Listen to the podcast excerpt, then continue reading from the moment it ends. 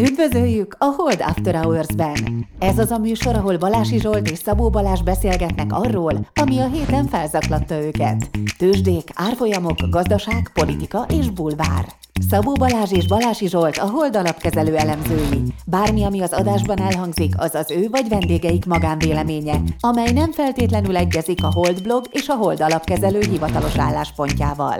A műsor szórakoztató célral készült, befektetési döntések alapjául nem kíván szolgálni. A Hold alapkezelő ügyfelei és alkalmazottai egyaránt rendelkezhetnek pozíciókkal az adásban tárgyalt pénzügyi eszközökben. Na hát üdvözlünk mindenkit. Jó reggelt, sziasztok! Na, nem nagyon szoktunk reklámozni, de most durvák leszünk, mert volt egy webináriumunk, ami gyakorlatilag egy podcast adás volt, egy szakmai podcast adás.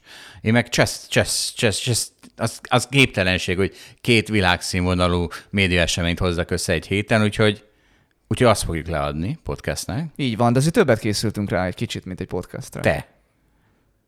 Igaz, te rengeteget készülsz mindékre. Hogy világszínvonalú Nem, nem, nem, nem, te készültél többet erre. Vagy nem azt mondtad? Igen, igen, igen. Na én a podcast Csináltam két szlájdot rá. Nekem, nekem, nekem könnyebb, amikor mindenki más beszél. Na, és, és, de és most előtte csak egy kicsit fölvezetjük. Tehát csapjuk meg őket klímaváltozással? Így? Ha? Nem, nem, jó, vagy Nem jó. tudom, Zsolt, mivel készültél. Nem, Nem, szóltál nekem előre, hogy ilyen Jövő héten, jövő héten lesz mindenki megcsapva ko- ko- ko- klímaváltozással, de az neked is tetszeni fog, hogy beszélsz a konténerhajóidról. Na mindegy, kezdjük, mert ez jól fölvezeti az, hogy miért bízza ránk valaki a pénzét, ne küzdjön azzal a rohadt árfolyamokkal. Itt van, na mi a neve, hát ezt nem hiszem el. Mindjárt megmondom, Spitznagel. Spi- te, azt még te se ismered, nem? Spitznagel. Hát nyilván nem. Spitznagel egy hedge fund manager, olyan hedge fund manager, aki a, ezt a tail risk izét futtatja. Tehát olyan, mi- mint a, mint a, Hát a nagyon valószínűtlen szenáriók, amiknek viszont nagyon nagy ha- ö, hatása van. igen, tehát azt csinálja, hogy berakja viszonylag biztonságos, nem tudom még be a pénzét, de 5%-ot meg berak ilyen nagyon outlier opciókba. Tehát, hogy oh, Out of the money opciókban, ami azt jelenti, hogy ez akkor, fog nagyon ér, akkor lesz nagyon értékes, hogyha valami rendkívüli esemény történik a világban. Úgyhogy Vagy akkor- nagyon minden felmegy, de általában inkább arra szokták venni, amikor nagyon minden lemegy. Igen, azon lehet sokat, mert arra megy gyorsan sokat. És az történt, hogy a, ilyenkor, ezeket mikor szokták rá előrángatni? 2008-9-ben, 2020-ban, koronavíruskor. Tehát ilyen- ilyenkor nagyokat keresnek, és akkor ó, ez a Spitznagel, ekkora király. Tíz évig kicsiket bukott, és akkor egyszer nagy nyerő. Pontosan, és azt mondják, hogy ő a pio, pio, úttörője ennek az egész Black Swan Investingnek, az, és van egy farmjuk, ahol a Bloomberg, Bloomberg cikk szerint a legjobb kecskesajtot lehet kapni Amerikában. Ez, mi, ez nem érdekel téged, mi? Na nem baj. Ez nem annyira, de onnan kereskedik a farmról. És ő azt mondja, hogy, hogy, hogy a, a, a kisbefektetők, vagy a befektetőkön a volatility adó, volatility adó, az nem más, mint hogy a, igazából a hosszú távú hozamokra nem a pici bukók a veszélyesek, hanem a nagy bukók. Ezt ő valahogy matematikailag is kimutatta, ha akarod, elolvashatod. Most ne, el kell hinnünk neki, hogy Most itt nem tudom, mire gondolsz, de az szokott nagy probléma lenni, hogy olyankor kiveszik a pénzüket, amikor nagyobb bukó Nem, van. nem arra gondol, hanem hogy az, hogy a, a, a, a, a compounding, tehát a kamatos kamatban a nagy bukó az az, az ami nagyon megcseszi ezt a kamatos kamat görbédet, és a, izé, a, a, viszont a kicsi, kicsi bukók azok nem. És ezért jó az ő, az ő stratégiája, mondja ő, mert hiszen ő valóban ő kicsi bukókat csinál azon, a portfóliónak azon a részén, hiszen megveszi a távoli opciókat, amik aztán kifutnak értéktelenül, hiszen nem történt koronavírus, de amikor viszont történik, akkor nagyot ütnek, és és ő, na ő mondta a következőt a retail investoroknak, tehát a kisbefektetőknek, hogy a kockázatcsökkentés az nem arról kéne szólnia nekik, hogy a piaci zuhanás ellen védjék magukat, és ezért használjanak opciót, meg aranyat, hanem a saját maguktól óvják meg a portfóliójukat. Tehát a, a itt van tovább, Mondom. mondom. Ez nem egy ilyen tőke garantált termék marketingbe fog lassan átfutni? Amit Hát. alapvetően hülyeségnek gondolunk azért? Hát gondolj bele, hogy van 100 egység pénzed, 95-öt beteszel kötvénybe, mondjuk egy év múlva az a 95 egység kötvény 100-ra felviszi a portfólió értékét, a maradék ötöt meg beteszed valami igazából bármibe, ami nagyon kockázatos, és akkor az tök jó, ha hoz valamit, mert akkor száz fölé kerülünk, de hát az se baj, ha nem, mert akkor így is meg leszünk százon. Ugyan nem hoztuk a kockázatmentes hozamot, tehát nulla lesz a hozamunk, de hát azt, azt elbírjuk, mert hát a pszichológilag ugye, ha nullát csináltunk, az még az, az nagyon sokkal jobb, mint ha mínusz egyet csinálnánk. Hát nem tudom, ezt most Spitznagel beszéld meg, szerintem ideges lesz, ha ezt neki, ezt neki így tárgyalod, mert most akkor mondok tőle Szóval még tudományos köntösbe ide hozza nekünk a tőke garantált terméket. Igen, a leg, leggagyibb retail alapot. Na és akkor még egy mondat tőle, ahol, ahol ki is mondja ő is ezt a hülyézést, amit én mindig lelkesen keresek. Igazán, tényleg, ne a piaci eseményektől védjétek a portfóliótokat, a magatoktól, a hülyeségektől, amit akkor csináltok, amikor be vagytok ijedve. Na tessék, ő is az ijedelemmel, az érzelmekkel jön. Na, ez a Spitznagel, ez egy kicsit a barátom. Na hát ez az utolsó mondat így már rendben volt, ez már sokkal kevésbé tőke garantált termék, marketing volt. Egyébként csak egy gondot hagy mondjak arra, hogy mi a baj ezzel a tőke garantált termékkel, szerintem, mert egyébként ö, mindig, mindig hülyézzük, de nem, nem mondjuk el, mivel a gond. És szerintem az vele a gond, hogy, hogy épít erre a pszichológiai csapdára, hogy ez a nulla, hogy a nulla hozam az, az, az elviselhető az ügyfélnek. És az ügyfél ugye nem úgy gondolkozik, hogy neki járna a kockázatmentes hozam, amit könnyen megszerezhetne, meg, meg nem úgy gondolkodik, hogy mi neki az optimális. Mert lehet, hogy az optimális az az, hogy 50% részvényt tartok, vagy 20% részvényt tartok. Tehát ez a gondolkodás, ez teljesen megöli ezt, hanem azt mondja, hogy minden, mindegy, csak legyen meg a nulla. Ez a legfontosabb. És Minden nem, ne, terméken. nem úgy gondolkodik. Minden terméken. Egyébként nagyon jó, Hát te- mert a kisbefektetők pont ettől félnek, ugye nem zárnak le veszteséges pozit. Ha megvárják, amíg visszamegy nyeresség. Tehát érted? Tehát, hogy minden terméken, minden, Igen, tehát a, a tőke garantált terméken ugye nem lehet nominálisan kisebb hozam, mint nulla. de ő egy részvényt De hogy, is úgy de vesz. hogy ugye ez egy érted, Törökországban ez egy hülyeség, ahol 100% infláció Így van, van. ott is a nominális hozam nulla, meg a Svájcban, ahol meg 2% infláció van. Tehát ugye ez az, hogy, hogy ez mindenféle, mindenféle racionalitást ugye félretesz, meg az, hogy milyen egy optimális portfólió, ez teljesen félreteszi, hanem épít erre a pszichológiára, hogy mi nominálisan ne csináljunk kisebb hozamot, mint nulla. Ugye egyébként tőkegarantált termékek eltűntek az elmúlt tíz évben, a kötvényhozamok nullák voltak, tehát nem volt könnyű ilyen tőkegarantált terméket csinálni. Most, hogy újra van hozam, ezek visszatérnek. Igen, tehát, na, de, tehát, annyi, tehát egy kisbefektető annyira nem tilos a bukó, hogy ha vesz, mit tudom, 10 féle részvényt, egyiket se adja el bukóban, érted? Tehát csak azt adja el, ami fölment, és akkor profit van nyarta. Olyan nincs, hogy olyan nincs, hogy bukóban elad. És ezt még profikkal is, ezt még profikál Tehát is. ez a profiknál is nagyon nehéz. Ez nekem Igen. is nagyon. Hát ez szerintem Én ne, én bukóba szeretem eladni. Én nekem pont az a bajom, hogy nyerőben nem adom el, mert hogy hát az most megy a csillagos égig. A bukót az azonnal eladom, mert a- kell a szarnak a bukó. jó, Nem- de te nem, nem kizárólag fundamentálisan döntesz. Így van, így van, így van. Én, én, én kizárólag fundamentálisan döntök, tehát abból a más következik. Igen, ott, ott a bukó az azt jelenti, hogy egyre nagyobb a upside. Igen. Hát Mi- természetesen csak akkor, ha közben a világ, vagy a cégnek a iparága, vagy a belső dolgai, azok nem romlottak el annyira, hogy közben értéktelenebbé vált. Na, ilyesmikről fogunk beszélgetni majd most, most amikor jön. Na, mi azt majd elmondom, hogy kik jönnek. Ö, azt, azt még el kell mondanom, hogy a múlt héten elmaradt a világcsúcsunk. Tehát meg, Most látszunk a videóba, Zsolt? Nem, nincs kamera, az nem, az nem, Nem, tűnt föl. nem. hogy- kamera nélkül nincs videó. Na, nagy király stúdiónk van, de... Na és, szóval, hogy elmaradt a akkor gondoltam világcsúcsunk. volna, hogy mindjárt visszatérünk egy csinosabb ruhában, de, de akkor most nem látszik, hogy mit... Nem. Szóval elmaradt a világcsúcs a múlt héten, mert megváltoztak a Spotify algoritmusok. Most egy éve nem, nem okozott nekik problémát, hogy a három hónap kihagyás volt, most meg izé, okozott nekik problémát, ez van. És 10 millió embertől se kaptunk e-mailt, telefonszámmal, meg vagyoni helyzettel, úgyhogy akkor jöhet a webinár. Jöhet, sziasztok! Hello! Na hát üdvözlünk mindenkit. Én Jó. Balá... Mondjad. Jó reggelt kívánok én is a nézőknek, hallgatóknak. Én Balási Zsolt vagyok, elemző portfóliókezelő. Én Ba- Szabó Balázs vagyok, Valami- portfóliókezelő, vezérigazgató. Nagyszerű. Balázs igazgató. Nem korai ez egy kicsit, Balázs.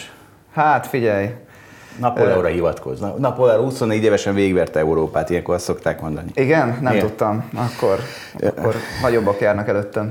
Na, akkor mi, mivel fogunk kezdeni?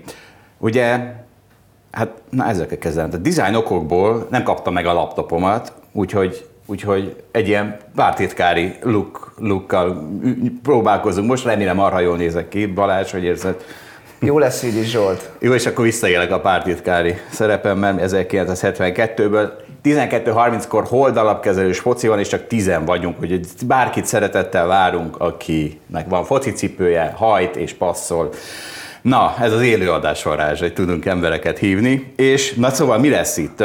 Mi, először mi ketten, meg marketing okokból, azért vették el a laptopomat is, szóval a marketing okokból el fogjuk mondani, hogy mivel foglalkozik a Hold, ezzel fogunk kezdeni.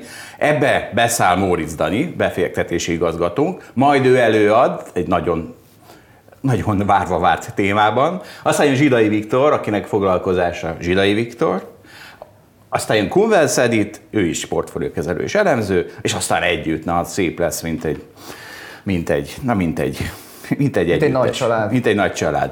Na, úgyhogy azt hiszem ennyi a fölvezetés, és akkor Balázs bele is kezdhetsz a első szlájdodba. De... Igen, igen, igen. Szóval arról gondoltunk, hogy beszéljünk egy kicsit arról, hogy mi mit csinálunk a saját szolgáltatásunkról, és nagyon sokféle dolgot csinálunk, úgyhogy én most fókuszálni fogok, és egy dolgot kiemeltem, amit úgy hívnak, hogy hold vagyonkezelés, aminek két része van, a privát vagyonkezelés, meg az online vagyonkezelés, de először arról pár gondolatot, hogy mi az, ami általánosságban mindkettőre igaz, aztán majd beszéljünk arról, hogy mi az, ami külön-külön elválasztja ezt a, ezt a kettőt a, egymástól. Az egyik szerintem, ami nagyon fontos és kiemelendő, hogy a hold vagyonkezelése az Magyarországon eltér az átlagostól abban a tekintetben, hogy a legtöbben vagyonkezelés alatt a úgy neveznek, hogy befektetési tanácsadást értik, és ez a befektetési tanácsadás az azt jelenti, nagyon leegyszerűsítve, hogy ott az ügyfél az, aki dönt arról, hogy mibe fektesse a pénzét közvetlenül. Tehát van általában egy tanácsadója, akivel beszélget, és akkor ő, ők együtt eldöntik, hogy OTP részvényt vesznek, vagy kötvényalapot vesznek, vagy részvényalapot vesznek, mikor adják, mikor veszik. Na, de ezt mi nem csináljuk. És ezt mi nem csináljuk, Na. igen, ezért de hát muszáj definiálnom először, hogy mit nem csinálunk, hogy azt elmutassam, mit csinálunk. Meg még egy csomó mindent nem csinálunk, de azt nem mondjuk De nem, azért mondom el ezt Zsolt, mert hogy szerintem a piacnak több mint a 90%-a ezt csinálja, és ezt érti vagyonkezelés alatt, amikor ez a szó elhangzik. És és hogy tényleg olyan a hold alapkező, hogy nem lehet betelefonálni, hogy vegyen nekünk valaki 100 darab OTP részvényt. Nem, nem vesszük meg nekik. Mi nem foglalkozunk ezzel a szolgáltatással, Egyáltalán bármilyen nem. furcsán is hangzik. Focizunk. Nem csak focizunk, hanem, hanem vagyonkezelés alatt azt értjük, hogy mi döntünk az ügyfél helyett, Persze bizonyos dolgokat megbeszélünk az elején, megbeszéljük a kockázati szintet, megbeszéljük azt, hogy milyen debizában, de ami a fontos, hogy mi nem hívjuk fel az ügyfelet a döntéshez, mi napi szinten döntünk az ügyfél portfólióban, tehát eldöntjük azt, hogy milyen kötvényeket veszünk, milyen részvényeket veszünk, és, és ezt a felelősséget, ezt, ezt átvállaljuk. Tehát az ügyfél az az eredményt látja, meg szívesen el is mondjuk neki egyébként, hogy mit csináltunk a, a portfóliójában, de mi nem hívjuk fel, nem kérünk engedélyt, napi szinten nekünk ilyen értelemben nem szükséges a, az ügyfeleinkkel beszélgetni. Persze minden információt megadunk, amit kérnek, de a döntés az, az a leghatározottabban nálunk van. Igen. És a piacon mi elütünk tényleg, tehát ezért kellett először a befektetési tanácsadásról beszélni, mert mert általában a többi szolgáltatónak a, tehát úgy tudtam mondani, hogy tényleg 90% plusz ez a szolgáltatás, és, és inkább 10% alatt van, vagy ha egyáltalán csinál valaki olyat, amit, amit mi hívunk itt hold vagyonkezelésnek. És Igazából én nem is értem, hogy miért, tehát, hogy, mert nálunk is sokszor ezt keresik, és akkor nem értik, hogy miért nem vehet magának OTP részvényt. Miért akar valaki magának OTP lesz? Ez tök nagy szívás, hogy az ember azon izgul, hogy fölmegy, lemegy, és azt mondom, hogy alacsony hozabb környezetben... Helyette mi izgulunk akkor. De ez az, hát iszonyatos stressz veszünk le mindenkinek a válláról. Már alacsony hozam környezetben még, még, még van fix 2% díj, például mondjuk. Szabad ilyet mondanom, vagy Balázs? Mindegy. Szóval hát, na, alacsony na. hozam környezetben még megértem. Na de most magas hozam környezetben vagyunk. Mindenki örüljön neki, hogy többé nem kell meg eldönteni, mikor kell ezt az OTP részvényt venni, mert mi eldöntjünk helyette. Egyébként úgy van a piac csak, hogy tud, hogy a kötvényalapok kerülnek általában 1%-ba, a részvényalapok 2%-ba, és akkor a legtöbb ilyen vagyonkezelés az valahol így a kettő között van, ha most a díjakról beszélünk, bár ezt Plusz nem terveztem. Plusz, Plusz sikerdíj, így most a fix díjakról beszéltem. Csak azért, mert hogy miért kell most lepasszolni ezt a, ezt a nyűgöt, és, és otthon csak jól lehet kijönni belőle. Tehát két, két eset van. Tehát az egyik az, hogy az ember hazamegy, mi jól kezeljük a vagyont, és akkor otthon azt mondja, hogy na azt, hogy milyen jó helyre tettem a pénzünket. A másik, hogy rosszul megy, és akkor meg azzal megy haza az ember, miért fölírtam, hogy ha nem hittem volna, hogy ezt nekem kell csinálnom, a bíra azt mondta, hogy ezek tök jók. Tehát ebből nem lehet rosszul kijönni, hogy az ember lepasszolja ezt a felelősséget. Végre van kire ráfogni, ha rossz. De általában jó. Vagyis hát van, amikor jó. Na. Én úgy szoktuk mondani, meg ebbe, ebbe hiszünk, és így is fektetünk, hogy hosszú távon jó. Tehát ez nagyon fontos, hogy mi hosszú távon gondolkozunk, tehát az, hogy egy nap, egy hónap, három hónap alatt mit csinálunk, az, az nem célunk, az a cél, hogy, hogy hosszú távon jól csináljuk. Na de menjünk bele egy kicsit hogy, hogy mit jelent a, a, a vagyonkezelés portfóliókezelés szinten, tehát, tehát mi, mit veszünk az ügyfeleknek. Mert ez a vagyonkezelés fogalom is nekem mindig úgy tűnik, hogy ez ilyen bonyolult, hogy van alapkezelés, portfóliókezelés, vagyonkezelés, ez általában akinek nem ez a szakmája, ugye szinonimaként látja. Úgyhogy elmond, szerintem érdemes arról beszélni, hogy mi mit értünk alatta. Most már jobb oldalról beszélsz? Nem, még mindig a bal oldalról. Jó, okay. Akkor a, még a, bal oldal. a bal oldalon. Tehát az, hogy döntés hozunk minden kérdésben, erről beszéltünk, tehát az egyik legfontosabb döntési kérdés az, hogy mi kötvényekben és részvényekben gondolkozunk. Például nem gondolkozunk ingatlanokban. Vagyonkezelés alatt valaki gondolhatná, hogy az ő vagyona az ingatlan, és akkor mi azt kezeljük. Nem, mi ingatlan nem, nem kezelünk, nem foglalkozunk ilyesmivel. Vagyonkezelés alatt nálunk kötvényekkel, részvényekkel foglalkozunk. Persze most beszélhetnénk kriptopénzekről, meg nyersanyagokról, de ezt most tegyük egy kicsit félre, mert alapvetően kötvény részvény adja ennek az egésznek a bázisát. És amikor arról beszélünk, hogy adott időpillanatban milyen kockázat érdemes vállalni, akkor szerintem ez egy fontos döntés. Ha azt gondoljuk, hogy a világban felfele fog ívelni a gazdaság és a részvények, akkor inkább több részvényt tartunk, mondjuk 80% részvényt és 20% kötvényt, ha azt gondoljuk, hogy védekezni kell, mert óvatosnak kell lenni, buborék van, de jöhet egy válság, akkor inkább több kötvényt tartunk és kevesebb részvényt. Tehát ez egyik legfontosabb döntési pont, amit egy jó vagyonkezőnek el kell döntenie, hogy pontosan mekkora kockázatot vállal, és hosszú távon ezzel teremthet értéket. Ez az egyik értékteremtési pont.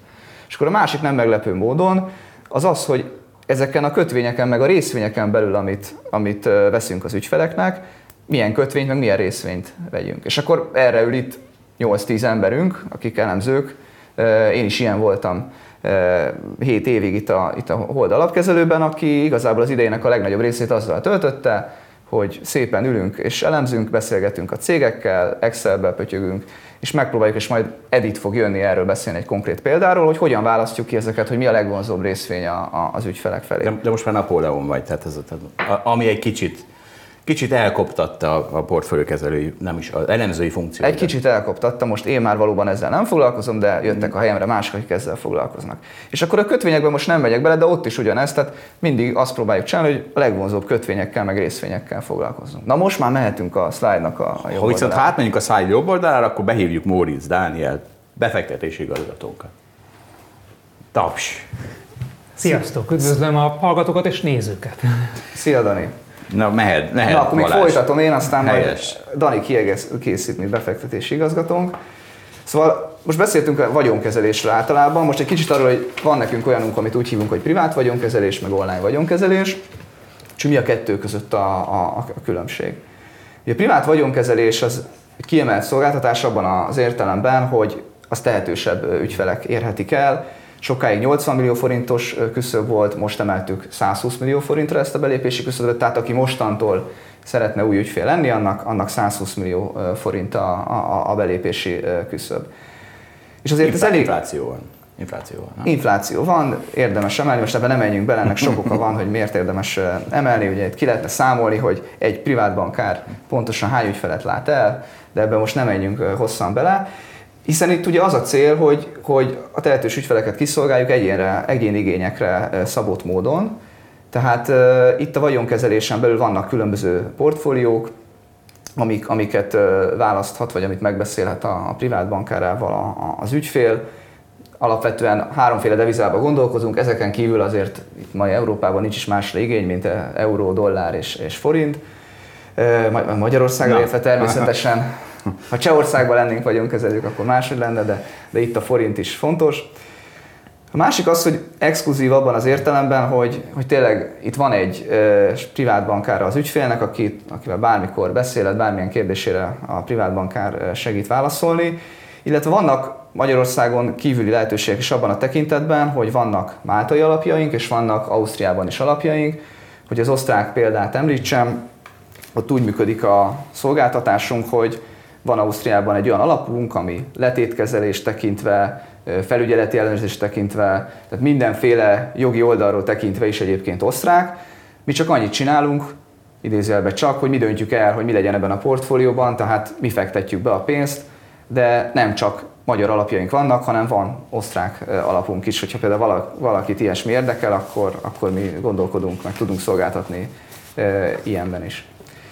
Tehát ez röviden a privát vagyonkezelés, és az online vagyonkezelés az pedig egy új szolgáltatásunk, ami, ami tavaly ősszel indult. Az online vagyonkezelés az egy egyszerűsített dolog ehhez képest. Az online vagyonkezelés, ahogy a nevében is mondjuk teljesen online, ez ugye azt jelenti, hogy valaki igazából a számítógépe mellől meg tudja azt oldani, hogy nálunk ügyfél legyen, nem kell ide hozzánk bejönnie, nem kell beszélnie egy privát bankárral, nem, kell, nem fogja semmilyen másik ügynök a, nem tudom, a magyar pénzügyi szektorból, hogy megkeresse. Tehát ezt, ezt Csak teljesen... át kell utalnia a pénzét nekünk. Hát Zsolt, ez már nagyon erős marketing. a többit megoldjuk. Előtte néhányat kattintani kell azért. Néhányat kattintani kell, mert meg kell felelni azoknak a szabályozásoknak, ami a magyar pénzügyi rendszer megkíván, de, de hogy egyébként teoretikusan, digitálisan minden megoldható. Na, és akkor ugye itt is vannak kockázati szintre szabott portfóliók, illetve itt is gondolkozunk abban, hogy egyelőre ugyancsak forintos szolgáltatás van, de ez csak az informatikai fejlesztések kérdése, hogy mikor lesz mielőbb eurós szolgáltatás, úgyhogy, úgyhogy abban gondolkozunk. És ugyan az online vagyonkezelés egyszerű, nincsen privát bankár, tehát nem tudunk olyan széles palettát szolgáltatni, nem, nem olyan átfogó az a szolgáltatás, mint a privát vagyonkezelés természetesen, tehát nagy különbség van a kettő között, de azt gondoljuk, hogy szerettük volna demokratizálni azt, hogy ne csak tehetős ügyfeleknek dolgozzunk, hanem limit nélkül is dolgozzunk másoknak, és egyébként az, hogy mi hozzuk a döntést, a kötvény részvényelről, az pedig nagyon-nagyon hasonló. Na, sokat beszélek. Ugyanaz a csapat kezeli a pénzt, így van, a privát bankár egy kicsit a, a honlapunk. Ott, ott próbálunk mindenfajta információt, tájékoztatást, kommunikációt nyújtani hozzá. Jó, közben rájöttem, hogy egy fél szlájddal előbb hívtam be a Danit, mint kellett volna, mert most, most jön a Dani. Mindig örülök veletek, mindig öröm veletek beszélgetni. Fél szlájddal többet mosolyoghattál. De így is, akkor folytatom, és akkor beszélgessünk így róla részletesebben. Ígérem, most már csak néhány bullet point erejéig beszélünk a szolgáltatásunkról. Szerintem az érdekes, hogy tényleg mi mit, miben különbözünk, és az előbb már említettem, de ezt még egyszer aláhúztam, hogy hogy a piacon a legtöbben általában befektetési tanácsadást végeznek, tehát az ügyfél dönti el, hogy veszünk a 100 darab OTP részvényt vagy nem, nálunk ez másképp van. Tehát mi nem végzünk ilyen befektetési tanácsadást, nem végzünk más banki szolgáltatást, tehát mi nagyon erősen fókuszálunk erre a típusú hold vagyonkezelésre, amit a, a, az előbb leírtam, nem, nem igazán foglalkozunk mással. Mi azt gondoljuk, hogy reméljük, hogy előny az ügyfélnek, mert hogy, mert hogy így tényleg nem, mennek más irány, nem megy más irányba a figyelmünk. Akkor szorosan ide kapcsolódik, hogy mit úgy fogalmaztam meg, hogy nálunk egy irodában van a, a teljes értéklánc, tehát itt ülünk az Alkotás utca 50-ben, az irodánkban, és, és mindenki együtt van. A privát bankárok, a, a, az operációban dolgozók, a portfóliókezelők, és ez azt gondoljuk, hogy azért elő, mert vannak olyan portfóliókezelési szolgáltatások, vagy vagyonkezelési szolgáltatások, ahol, ahol össze vannak válogatva alapok a, a nagyvilágból, mondjuk itt ülnénk az Alkotás utca 50-ből, de vennénk a, nem tudom, a UBS banknak az alapjából, meg megkeresnénk a UBS banknak a portfóliókezelőit, vagy, a, vagy az amerikai bankoknak a portfóliókezelőit, és tőlük kérnénk segítséget.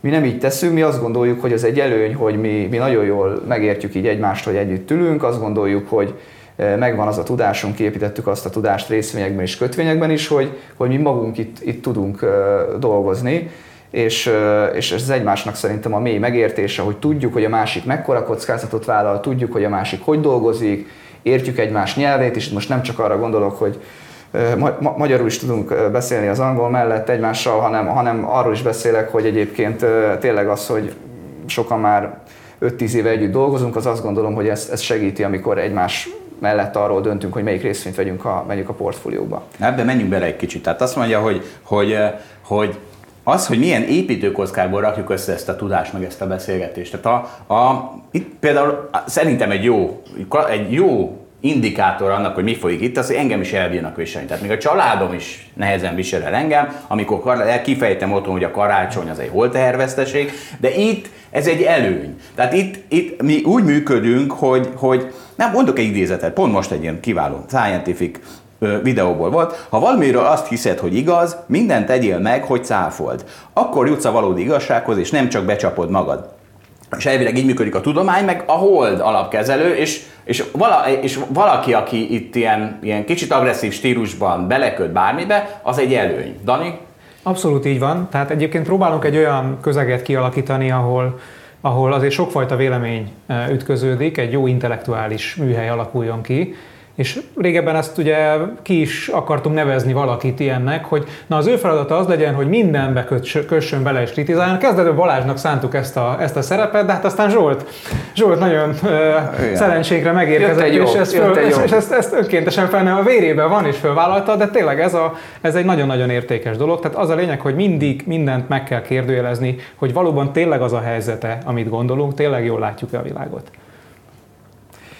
És akkor a következő pont, amit úgy fogalmaztam meg, hogy abszolút hozamú gondolkodás, az arra vonatkozik, hogy szerintem nagyon sok vagyonkezelés a világban, az ragaszkodik egy, egy benchmarkhoz. Az azt jelenti, hogy mondjuk megbeszélnénk az ügyféllel, hogy neki általában 50% részvénye van, mondjuk MSCI World, az azt jelenti, hogy a fejlett világnak egy ilyen általános részvényindexe, meg mondjuk 50% valamilyen kötvény. És akkor az a feladat, hogy mi akkor, tudunk, akkor tudnánk jól teljesíteni, akkor lenne az elégedett az ügyfél, ha mi, amikor fölfele mennek a részvények, akkor nem 50%-ot tartunk, hanem 55 vagy 60% részvényt, amikor meg lefele menne a világ, akkor 45%-ot tartanánk részvény, 40%-ot, és akkor kisebbet esnénk, ha esik a világ, nagyobbat emelkednénk, ha éppen a részvények emelkednek.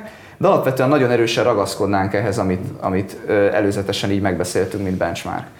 És akkor ezzel szemben mi, mi úgy gondolkozunk, hogy azt próbáljuk keresni a vagyonkezelett ügyfeleinknek, hogy mindig ami izgalmas. Tehát nem ragaszkodunk egy ilyen benchmarkhoz, hanem, hanem nézzük a világot, amerikai részvényeket, európai részvényeket, speciálisan fókuszálunk a közép-kelet-európai részvényekre, de mindig azt keressük meg, azokat a részvényeket, azokat a kötvényeket, amiket általánosságban véve azt gondoljuk, hogy most vonzó, amivel most jó hozamot lehet csinálni. Tehát mi nem benchmarkos szemléletben gondolkodunk, hanem úgy, hogy legyen elégedett a, az ügyfél összességében, és, és nem, nem, köt minket ez a, nem kötnek minket igazából szerintem azok a szigorú szabályok, amik általában versenytársainkat, itt inkább külföldi versenytársakra gondolok, szerintem inkább kötnek, vagy ahogy, vagy ahogy ők inkább működnek. De Dani erről beszéltem, mert igazából ebben ez, ez hozzád kapcsolódik a legjobban. Mondok néhány példát. Tehát a 2000-es évek elején mi részvényekben meg kötvényekben mozogtunk, és jött 2008-9-es válság, óriási esés volt, és egy idő után azt vettük észre, hogy vannak olyan kötvények, vállalati kötvények, amelyek vonzóbbak, mint a részvények. És nem, nem, nem részvényeket akartunk venni, hiába volt nagyon olcsó a piac. Vettünk részvényt is,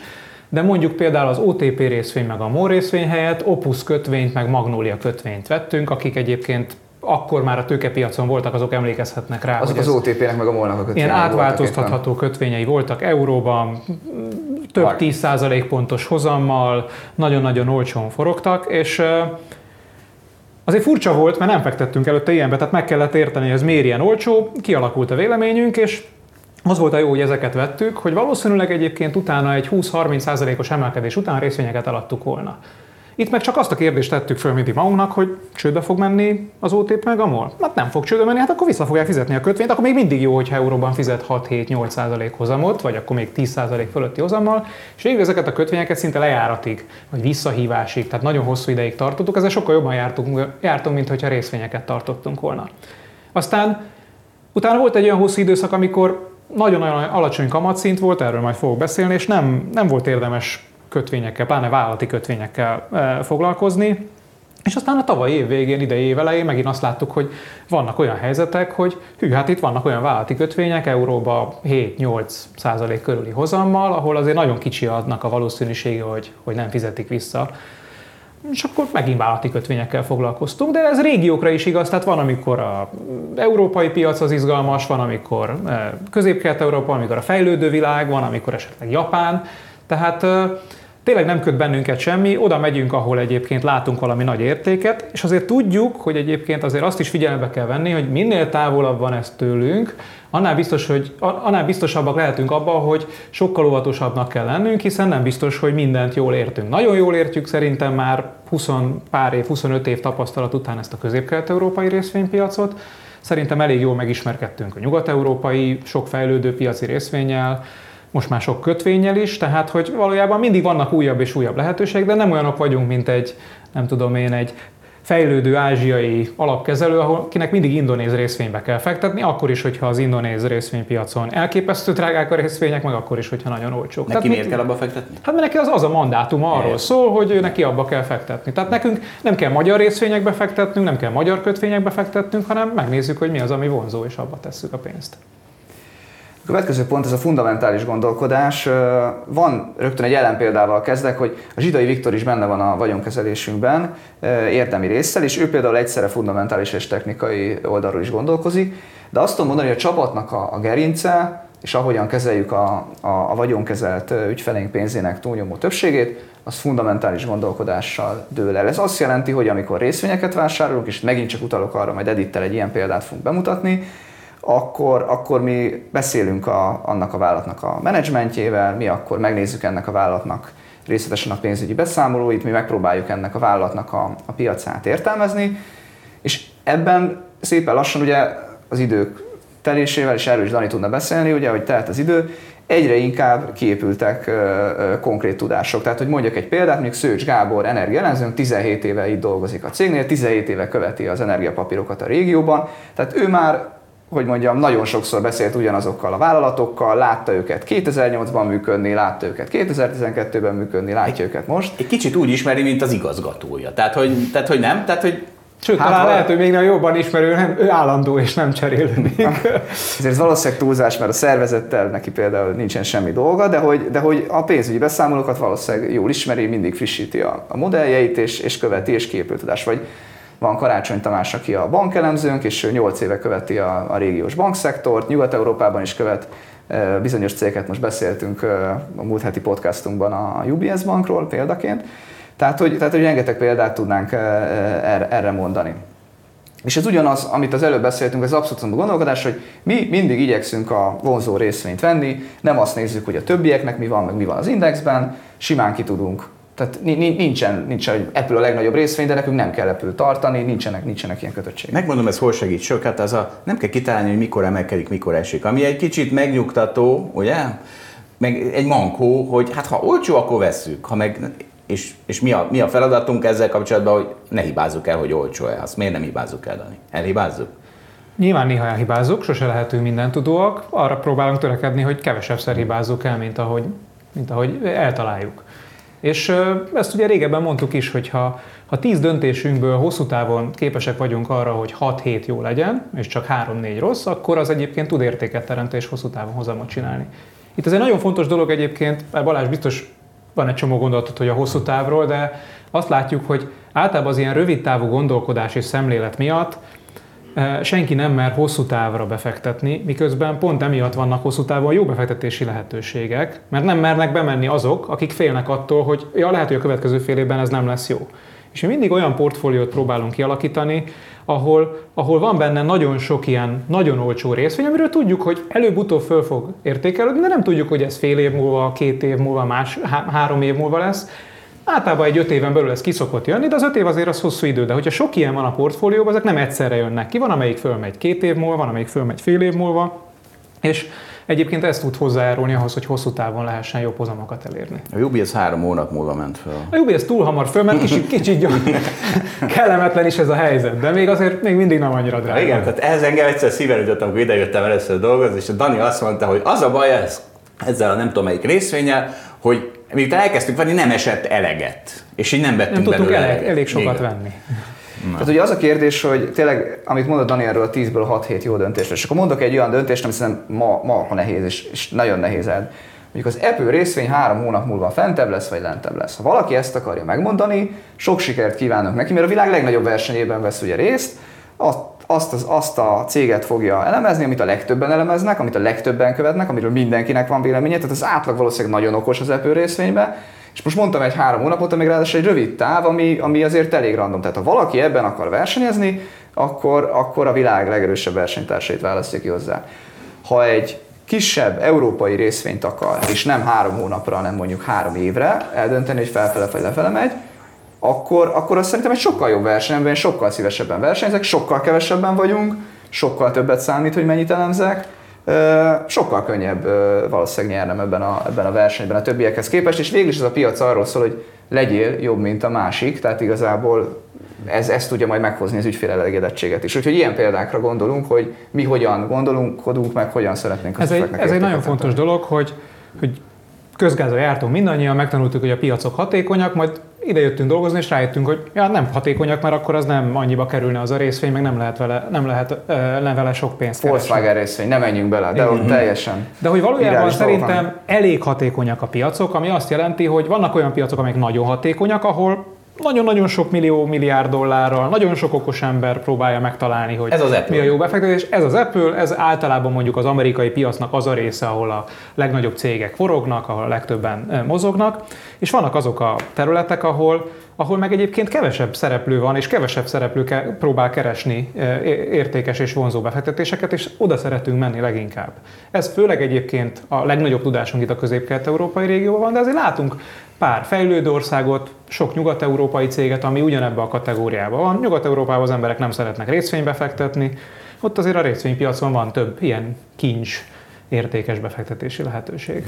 Utolsó pont nagyon röviden, az tényleg az, hogy milyen hozamot szeretnénk. Ezt úgy határoztuk meg magunk között, hogy a kockázatmentes hozam felett eh, 3-5 százalékot. Eh, Átfogalmazom, egyébként azt szeretnénk, hogy ráhozama eh, legyen a, a befektetőinknek, és ez is nagyon fontos, hogy hosszú távon. Nem egy évben, nem két évben, hiszen ha mi, ahogy megbeszéltük, ahogy gondolkodunk, nekünk nincsen három hónapos, hat hónapos hozamcélunk, nem, nem ezen a távon szeretnénk, azt szeretnénk, hogy átlagosan hosszabb távon legyenek elégedettek az ügyfeleink. És ebből mindig van olyan év, amikor rosszabb, meg van olyan, amikor ennél jóval jobb. Na most akkor, Dani, kezdjük, el, elhúzottunk, hogy Dani elkezdjük, elkezdheted az előadásodat, és az, hogy Karl Icahn hülyézi a lakosságot, azt remélem a végén még azért behozzuk, mert az nekem nagyon hiányzik. Egy ilyen nélkül nem is lehet tartani egy ilyen eseményt. Én azt gondoltam, hogy egy pár percet beszélnék egy olyan témáról, ami a felvezető a következő beszélgetéshez, ami a két legfontosabb üzenete az az, hogy egyrészt én azt gondolom, hogy egy olyan évtized előtt állunk, ahol tartósan magasabb lesz az inflációs és kamatkörnyezet, tehát nem olyan, mint ami korábban volt. Másrészt, hogy ennek mi a következménye, hogy hogyan érdemes egy ilyen világban, egy ilyen helyzetben befektetni. Ugye aki a pénzügyi válság után kezdett el tőzsdézni, a tőkepiacon befektetni, annak az most mondjuk a 2010-es évek elején, vagy akár a 2010-es évek bármelyikében, annak, annak nagyon furcsa ez a jelenlegi helyzet. Azt mondja, hogy ez egy ilyen extrém dolog, hogy infláció is van, ilyen tök magasak a kamatok, hogy ez a hülyeség ez hamarosan biztos eh, normalizálódik és, és eh, helyre kerül. És hát mi egy kicsit ré- régebben kezdtünk el befektetni, meg, meg sokat foglalkozunk a gazdaságtörténettel, mi történt a múltban, meg akkor tanultam a közgázon, amikor még negatív kamatok egyáltalán nem szerepeltek a tankönyvben, és én inkább azt mondom, hogy nem a jelenlegi helyzet az abnormális, hanem ami az elmúlt évtizedben volt, tehát mondjuk 2011-től 21-ig, az az abnormális. Sőt, még a mostani is egy kicsi. A mostani is egy kicsit, de az már, az már egy az már egy ilyen normálisabb állapot. És akkor a kérdés az, hogy melyik fog visszatérni. Az, az fog-e visszatérni, ami akkor volt, vagy, vagy pedig ez, az á, ez legalább állandósul, ami most van, egy magasabb kamat és inflációs környezet. E, általában ugye itt látszik a, az ábrán, hogy egy, egy négy évtizedig tartó hozamcsökkenés ért valószínűleg véget, legalábbis szerintem véget az elmúlt néhány évben. Az ilyen nagyon hosszú távú trendeknek a végén nagyon extrém dolgok szoktak történni. Hát csak mondjak egy példát, e, tényleg azon kívül, hogy negatív kamatkörnyezet volt, tehát a rövid kamatok negatívak voltak, az infláció indexált állampapírok bőven negatív hozammal forogtak, tehát aki be akarta biztosítani a befektetését, az negatív ráhozamot tudott csak befixálni a következő jó néhány évre. Az osztrák állam 2020-ban is, azt hiszem talán 21-ben is 100 éves állampapírt bocsátott ki. Ők jól csinálták végül is. 2000, ők nagyon jól csinálták, 2020-ban 0,7%-os éves hozammal bocsátott ki euróban 100 éves kötvény. Tehát, Tehát ők a 100 évre lokkolták 100 be évre maguknak az 70, alacsony 70 kamaton. százalék kamatot Ilyet fizetnek. egyik banknál se tudnak az ügyfelek csinálni, hogy Na most a 70 20 éves százalék az 30 olyan, hogy ugye abban a világban nem tűnt olyan rossznak, mert hát mindennek nulla volt a hozama, és aztán eltelt két-három év, és akkor látjuk, hogy vannak olyan évek, amikor lehet 20%-ot, tud menni 20%-ot a tőzsde. Aki egyébként megvette ezt az osztrák állampapírt, az most mínusz 60%-ban van, tehát az elve, elbukta a pénzének a közel kétharmadát. Már kapott két évnyi kamatot, ami egy százalék. Igen. Na és én azt gondolom, hogy, hogy nem fog visszatérni ez, a, ez az abnormális helyzet, ami volt 2011 és 21 között, azért, mert azok a strukturális tényezők, amelyek csökkentették a, a, az inflációt, vagy folyamatosan egyre alacsonyabbra tolták az infláció és a kamatok szintjét, ezek, ezek szinte mindegyike megváltozik. Ugye mik ezek a, a dolgok?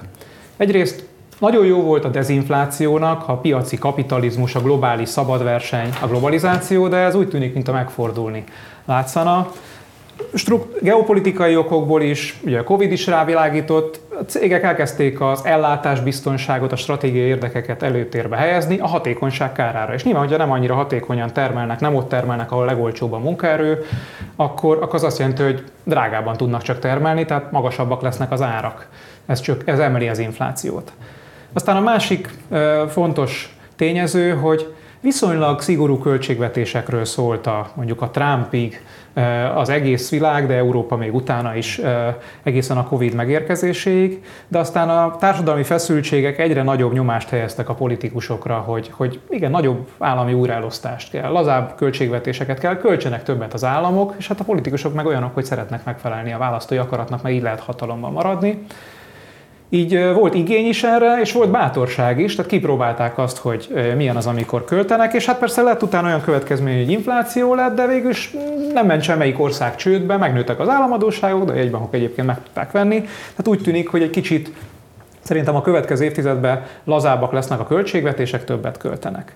Aztán van egy harmadik ilyen nagyon fontos trend, a, a klímavédelem. Ez a zöldülés lényegében azt jelenti, hogy ha oda kell figyelni akár a széndiokszid kibocsátásra, akár a műanyagok fogyasztásának a csökkentésére, akkor meg kell jeleníteni ezeknek az, az olyan termékeknek az árába, amik ezekkel a hatásokkal járnak, az, hogy ennek van költsége is. Tehát ezt externáliának hívják, meg kell emelni az árát rá be kell érté- érvényesíteni kell a termékek árába a környezetvédelmi költségeknek, a helyreállításnak, a e, széndiokszid e, kibocsátás csökkentése érdekében.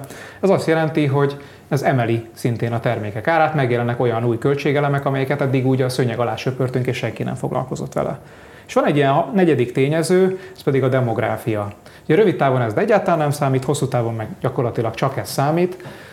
Az látszik, hogy az elmúlt évtized közepén e, megfordult az a trend, hogy addig nagyjából fokozatosan fiatalodott, vagy fiatalodott a társadalom, most meg elkezdett idősödni. Tehát innentől kezdve, a 2010-es évek közepétől kezdve egyre több eltartott fog jutni egy munkavállalóra, egyre több nyugdíjas fog jutni egy munkavállalóra.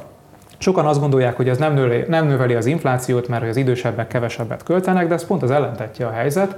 Tehát az idősek felélik a megtakarításaikat, és nem dolgoznak, Ellenben akinek meg dolgozni kell, abból egyre kevesebb van, és nyilván az azt jelenti, hogy egyre többet kell neki fizetni, hogy dolgozzon. Egy... Bele... Mond, mond. Beleköthetek most persze, ezekbe? Persze. Én is bele akarok. Melyik Be... kössön be előbb? Mondta, mondta. Tehát most a klímavédelmen nem dühödök be, az majd a jövő heti podcast adásunkban. Ezt, ezt a klímaisztit meghagyjuk neked a következő sok évre. De itt a deglobalizáció. Tehát a deglobalizáció szerintem az egy ilyen úgymond a recency bias. Tehát a, a, a, a a COVID, a COVID az, az, amikor a Covid éve az, ami rengeteg olyan ö, példával szolgáltatott, amikor az érzelmek mindent elsöpörtek, és azért sok hülyeség lett. És például ugye mi mellett érveltek 2020-ban az emberek, hogy a városoknak vége, az utazásnak vége, ö, minden, ö, minden megváltozik, és a deglobalizáció is szerintem, mert a városoknak nem lett vége, és utazás újra van, mindenkinek üzenem. Ö, viszont a dekolonizáció is ilyen. Tehát most épp ugye összerúgta a port Kínával az Egyesült Államok. Na de az nem éppen. Tehát, az, hogy az, nem... egy, az egy strukturális változásnak tűnik Zsolt. Tehát a geopolitika itt annyira fontos szerintem, hogy na, eb, na de most akarok vitatkozni, de ebben pont egyetértek vele. Na hát, de viszont szerintem ebben benne van az, hogy az elmúlt években ezek intenzívebbé lettek, és nincs benne az, hogy viszont azért a több évtizedes trend az az, hogy ezek, ezek azért folyamatosan épülnek le, ezek a stresszek. Van benne egy ilyen visszaizélés, és szerintem ez a deglobalizáció az Tíz év múlva megint azt fogjuk látni, hogy megint mindenki, lehet, hogy nem Kínába, hanem Mexikóba, vagy Kelet-Európa, vagy Ukrajnába viszi a termelését, de megint ott vagyunk, hogy, hogy kicsit jobban odafigyelnek arra, hogy ne Kínába menjen az a termelés, Hát ez maga lesz az infláció, Na, Zsolt. De ez Na, nem, hát ez nem az, hogy Ukrajnába termelnek Kína hát, helyett, az nem, az nem, az nem. Most nem tudom, hogy Ukrajna vagy Kína most a drágább, de érted, hogyha vissza kell hozni Európába általában a termelést, akkor drágább, drágább lesz. De nem oda hozzák vissza, ezt mondom, hogy németek az nem európaiak Európába viszik. hozzák, Kelet-Európába, az amerikaiak Mexikóba viszik a termelést, és az egy nyilván olcsóbb, mint ha Amerikában termelnének, meg Németországban, de drágább, mint hogy Ázsiában. Egyébként ez a, ez, a, ez a jó, hogy a Zsoltal mindig tudunk vitatkozni, de szerintem itt az van, hogy egy, múlt, egy, bip, egy egypólusú világrend átalakult egy legalább kettőpólusú világrendé, ahol Kína gazdasági és katonai ereje elérte azt a szintet, ami fenyegeti az Egyesült Államokét, és csak ilyen következmények lesznek, mint hogy az Apple-nél maradunk, hogy ja, hát innentől kezdve lehet, hogy egy idő után Kínában nem fognak eladni Apple telefont, akinek eddig az egész világon tudta eladni a telefonját, de mondjuk most a legnagyobb piacon, ahol egyébként a legtöbbet keresi a telefonjai, nem fogja tudni eladni. Meg egyébként a kínaiak nem tudnak vásárolni csipeket, meg nem tudnak eladni kínai telefont, meg mondjuk hálózati szolgáltatáshoz hardvereket nem tudnak eladni Európában sem. Még egy ellenér van az apple Ezek mind, de ezek a időtáv az mindig kérdés. Hát most te hány de ez egy folyamat. Ez, szerintem ez egy, ez egy hosszú folyamat, de hát énekről tudunk vitatkozni. Na, még egy, még egy gyors vitapont, aztán tudom, hogy biztos tovább kell menni, hogy Dani, hát a, van ez a mondás, hogy a szocializmusban infláció van, a kapitalizmusban defláció van, és ez összefügg azzal, hogy a kapitalizmusban ugye van verseny, meg, meg innováció, és Dani itt nem beszél a technológiáról, a technológiai szingularitásról, a mesterséges intelligencia kihagyta ezeket a egyébként ne. elég népszerű szavakat, hogy nem ha ez, bedurran, ha ez bedurran, akkor egyébként csak azt akarom mondani, hogy ha lesz ilyen nagyon nagyfokú innováció, akkor egyébként az is deflatórikus, tehát egyszerűen technológiai fejlődés az mindent olcsósíthat. De ez mindig volt. Ez mindig egyetértek vele. Na jó, de ez, most a tényező, mi van, ha eldurran? Ez a tényező. Tehát, ez a kérdés, hogy ebben van egy exponenciális. Ez exponenciálisan nő, azt ne, vagy nem, azt nem tudjuk. Ez mindent felülírhat. Én se hiszem, hogy ez a következő három évben érdemi változáshoz. De egyébként érdekes módon... 15 évre már nem tippelnék. Egy, igen, igen, az egy olyan táv, hogy nehéz előre látni. Mi egy... hosszú távon gondolkozunk, de a 15 az már, az már nekünk is talán egy kicsit sok. Egyik kedvenc elemzőnk mondta, hogy egyébként a szupermarketek, bevásárlóközpontoknak a létrehozása az nagyobbat csökkentett az infláció mértékén, mint mondjuk az internet elterjedése, és persze nehéz ezt, nehéz ezt jól mérni, mert más hatások is vannak. Biztos, hogy lesz a mesterséges intelligenciának ilyen hatása, az időtáv az kérdés, ebbe is vitatkozunk. Van a csapatban olyan, aki azt mondja, hogy sokkal hamarabb, Szerintem majd Viktor is jön, hogyha ez téma, téma lesz, akkor majd beszélünk róla, hogy mi ezt inkább hosszabb távra gondoljuk. És ez a vitához, tehát hogy, a, hogy mi megy a oldalat kezdőbe, tehát mindegy, hogy kinek van igaz ebben a vitában. A, a fő, a lényeg az nálunk, hogy, hogy minél több értelmes érv hangozzon el. Tehát nem, tök mindegy, hogy kinek lesz igaz abban, hogy most deglobalizáció globalizáció. Ha minél többet érvelünk, és fogadjuk el, hogy a másik érvelését, sőt örülünk neki, hogy megpróbálja bebizonyítani, hogy miért hülyeség, amit mondunk, akkor az, az nagyon előre tud vinni egy gondolkodást. A tudomány így működik. Na visszatérek, mert szerintem egy kicsit, kicsit csúszunk, csúszunk időbe, de a demográfia még egy fontos kérdés. Tehát ha innentől kezdve egyre több uh, nyugdíjas lesz és egyre kevesebb munkavállaló, az azt jelenti, hogy a munkavállalónak felmegy, egy ára, felmegy az ára, több vért kell neki fizetni, ezt látjuk is. Egy sikeres jegybankár mondta, hogy igazából régóta tanulmánya az inflációt, és igazából egy dolog számít, a bérinfláció. Tehát, hogyha a bérek emelkednek, az előbb-utóbb elmegy, átmegy az árakba is. És a, ezen az ábrán az látszik, hogy egyébként 40 éve nem volt ilyen alacsonyan szinten a globális munkanélküliség, már a Covid előtt is egyébként ez volt a helyzet, és a Covid egy csomó olyan helyzetet teremtett, például nagy állami eh, kifizetések, költségvetési költekezések miatt, például azért, mert az Egyesült Államokban sokan kiestek a munkaerőpiacról. De egyébként csak annyi történik, hogy idősödik a társadalom is magától is, hogy egy, megint egyre kevesebb munkavállaló van, és valószínűleg ez egy tartós folyamat, ezt nem lehet egyik pillanatról a másikra megváltoztatni. Ennek egyébként egy nagyon jó példája Közép-Kelet-Európa, ma Viktor biztos fog erről beszélni. Na de végülis ez csak egy, egy elképzelés azzal kapcsolatban, ez az én alapelképzelésem, hogy ebben az évtizedben magasabb kamat és inflációs környezet lesz. A kérdés annak, hogy ennek milyen következményei vannak a tőkepiacon, hogyan, kell, hogyan érdemes befektetni, hogyan kell a megtakarításainkat kezelni. De akkor látni kell, hogy ha tényleg így lesz, és nyilván erről lehet vitatkozni, hogy így lesz-e, nem biztos, de azt gondolom, hogy ez a valószínűbb, akkor azt kell látni, hogy innentől kezdve nem a defláció, hanem az infláció a fő veszélyforrás és a probléma. Ami a 2010 évvel ezelőtt nagyon örült mindenki a világban, amikor pici infláció megjelent, utána tudtak emelkedni eh, a részvényárfolyamok, mert az azt jelentette, hogy végre rendben nő a gazdaság, és nem kell félni attól, hogy defláció, meg az adósságcsapda az az problémákat okoz. Ebben az esetben ellentétesen mozogtak a részvény és kötvényárfolyamok, amikor tehát megjelent az infláció, akkor kicsit estek a kötvények árai, de tudtak emelkedni a részvények, tehát nagyon jól diversifikált portfóliót lehetett létrehozni, mert az egyik, amikor rosszabbul teljesített, akkor a másik jól lehetett csökkenteni a kilengéseket. Ha az a probléma, hogy infláció van, amire rávilágított mondjuk a tavalyi év is, akkor egyszerre tud esni mind a kettő, vagy hogyha megszűnik az infláció, akkor egyszerre tud emelkedni mind a kettő. Tehát ez egy új helyzetet teremt. Nem biztos, hogy egy kötvénybefektetés, egy hosszú állampapírokat tartó kötvénybefektetés, az jól diversifikálja a, a portfóliót, nem biztos, hogy csökkenti a részvényeknek a kockázatát. Tudni ha infláció van, akkor már nem a jegybankok, eh, vagy a jegybankok már nem a befektetők barátai. Tehát nem az lesz, hogy jaj, van egy kis pánik a tőkepiacon, Fed put, ha, és akkor gyorsan el kell adni a, gyorsan le kell vinni a kamatokat, és mérsékelni kell az ijegységet, hogy mindenki nyugodjon meg, azonnal levágjuk a kamatot. Ha az a probléma, hogy infláció van, akkor amikor infláció van, megemelik a kamatot, függetlenül attól, hogy egyébként ez beomlasztja esetleg a részvény és együttesen a kötvényárfolyamokat is. Ha ez a helyzet, Azért a múltban az látszik, hogy minden alkalom, amikor a Fed kamatot emelt, vagy amikor a általános kamatszint emelkedett, nem csak a Fed, hanem a világ többi részén is, akkor emelkedett a volatilitás a piacokon, tehát sokkal ingadozóbb, változékonyabb lett a, e, az, az tőkepiaci eszközök árának az alakulása. És akkor, ha, ha két nagyon fontos üzenetet kell így még az összefoglalás összefoglalásaként megfogalmazni, akkor ezzel kapcsolatban azt mondanám, hogy ha ez a helyzet és tényleg magasabb inflációs kamatkörnyezet van, akkor az első tanulság az az, hogy nagyon drágává vált nem csinálni semmit a megtakarítással. Tehát amíg nem voltak kamatok, meg nem volt infláció, ott maradt a malacpersejbe, vagy a bankszámlán a pénz, ahol nem, kapott, nem fizetett semmi kamatot a bank, azzal nem volt gond.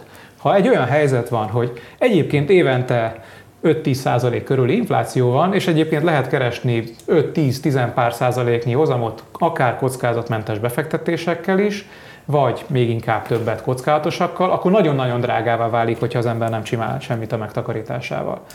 A másik ilyen tanulság pedig az, leginkább mondjuk a 70-es évek tapasztalataiból kiindulva, ami egy ilyesmi környezet volt, hogy ebben a helyzetben a reáleszközök relatíve jobban tudnak teljesíteni. Mi a, mi a, mi a reáleszköz? Nyersanyag, az ingatlan és a részvény. És itt egy, egy fontos dolog, hogy nagyon hosszú távon a nyersanyag az egy nem egy jó befektetés, mert nem fizet osztalékot, kamatot, cashflow-t, és hosszú távon folyamatosan csökken az ára. Lehetnek 5-10 éves időszakok, amikor ezek viszonylag relatíve jobban teljesítenek. Az ingatlannál nagyon fontos, hogy mi az induláskori árazottsági szintje. Ez kifejezetten nem olcsó most, és a részvényeknél is nagyon fontos, hogy mi az induláskori kifejezett árazottsági szintje, és ezenből vannak drágább és vannak olcsóbb részvények. Amire az, Apple, mi, az Apple a drágább. Az Apple a drágább, és vannak olcsóbb, és amire mi fókuszálunk, az az olcsóbb részvények eh, köre. És hát, hogyha még van egy kis idő, erről tudunk beszélgetni, de jellemzően ilyeneket tartunk a portfólióban, mert a 70-es években is az látszott, hogy ha a gazdaság nő, az jó dolog a részvényeknek, de hogyha ez úgy történik, hogy közben fölmennek a kamatok, akkor az árazási szorzója ugyanakkor a profitra vetítve kevesebbet ér már az a részvény, mert az magasabb, Apple részvény. Az Apple részvény. Az Apple de, részvény. De, de a többe, Volkswagen részvénynek ez nem De többet tud érni, a, igen, a Volkswagen Ez részvény. már hosszú lenne, de akkor is azok a részvények omlottak össze, mint a McDonald's, meg a Pepsi, meg a meg azok a részvények, amik egyébként nagyon drágák voltak. Amik az éves eredményüknek mondjuk a 25-30 szorosát érték, és nem pedig az éves eredmény termelő képességüknek a 10 szeresét. Akkor úgy hívták ezeket gyűjtőnében, hogy Nifty 50. Hadd had vezessem ezt le. Ezzel, Top 50 cég. Ezzel a három mondatot. Itt van, nő a piaci volatilitás. Nagyon drágává vált nem csinálni semmit a megtakarítással, és a reáleszközök relatív vonzóbbak. Ez mind arra utal, hogy miért akarna magának tőzsdézni valakit, amikor iszonyatosan megnehezedett a pálya. Tehát, hogy én, én ugye erre, mégis erről szól ez az egész, hogy próbáljunk embereket abba az irányba terelni, hogy bízzák olyanokra, akik ezekkel tisztában vannak, nagyon sokat foglalkoznak vele. És okosak is. Egy indokot tudok, hogy van, aki ebben az örömét leli, és nyilván azzal, annak mi nem biztos, hogy tudunk jó szolgáltatást nyújtani, legfeljebb azzal, hogy sok érdekes gondolatot megosztunk a podcaston, a webcaston, meg a, a honlapunkon. Csak de az a, lehet, hogy nagyon drága szó, szórakozás. Az drága, az szórakozás, nagyon drága szórakozás. Igen, de hát végig a lo, lo, lo, lottó is ilyen, viszont szerintem nagyon sokan vannak olyanok, akik, akiknek ez nyűg és teher, és nem akarnak foglalkozni, ezeknek a típusú megtakarítóknak, befektetőknek uh, tudunk mi jó szolgáltatást. Na mennünk el Viktorra. Átadom Köszönjük el. szépen, Dani, és akkor most bejön Zsidai Viktor. Jaj, szevasz Viktor. Szia Viktor. Hello. Már itt is vagy. Figyelj, figyelj te, te témád az az, hogy mekkora gödörbe került a magyar gazdaság, még mi lesz a forinttal, és ezekre válaszolni is fogunk, mert ilyen jók vagyunk, vagy nem fogunk válaszolni rá. Tehát, ugye azért lett ez a, hogy mi lesz a forinttal, ugye ez a minden héten van két ember kb. aki megkérdezi tőlem, ez egy alapkérdés, hol lesz holnap a forint, egy hét múlva, egy hónap, hogy mindenki ezt akarja tudni Magyarországon.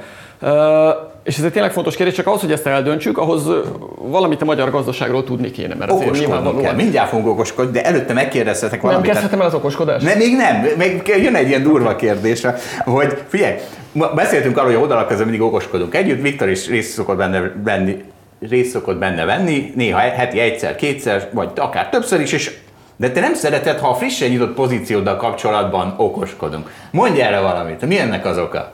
Ez babona, tehát nem, nem babona? Szeretem. Igen, igen, mert az embernek van egy nyitott pozíciója, és azért ez olyan pozíciókról beszélünk, amik ilyen, ugye nekem kétfajta pozícióm van jellemzően, vannak, amiket hosszabb távra próbálok tartani, azt úgyis mindenki tudja, azt elmondom, az nem egy ö, nagy baj nekem. A, és vannak ezek a rövidebb, középtávú, pár hétre, pár hónapra tervezett pozíciók, amik elsősorban ilyen határidős pozíciók. Mit tudom én, amerikai részvényindex, német kötvények, olaj, arany, ilyesmi.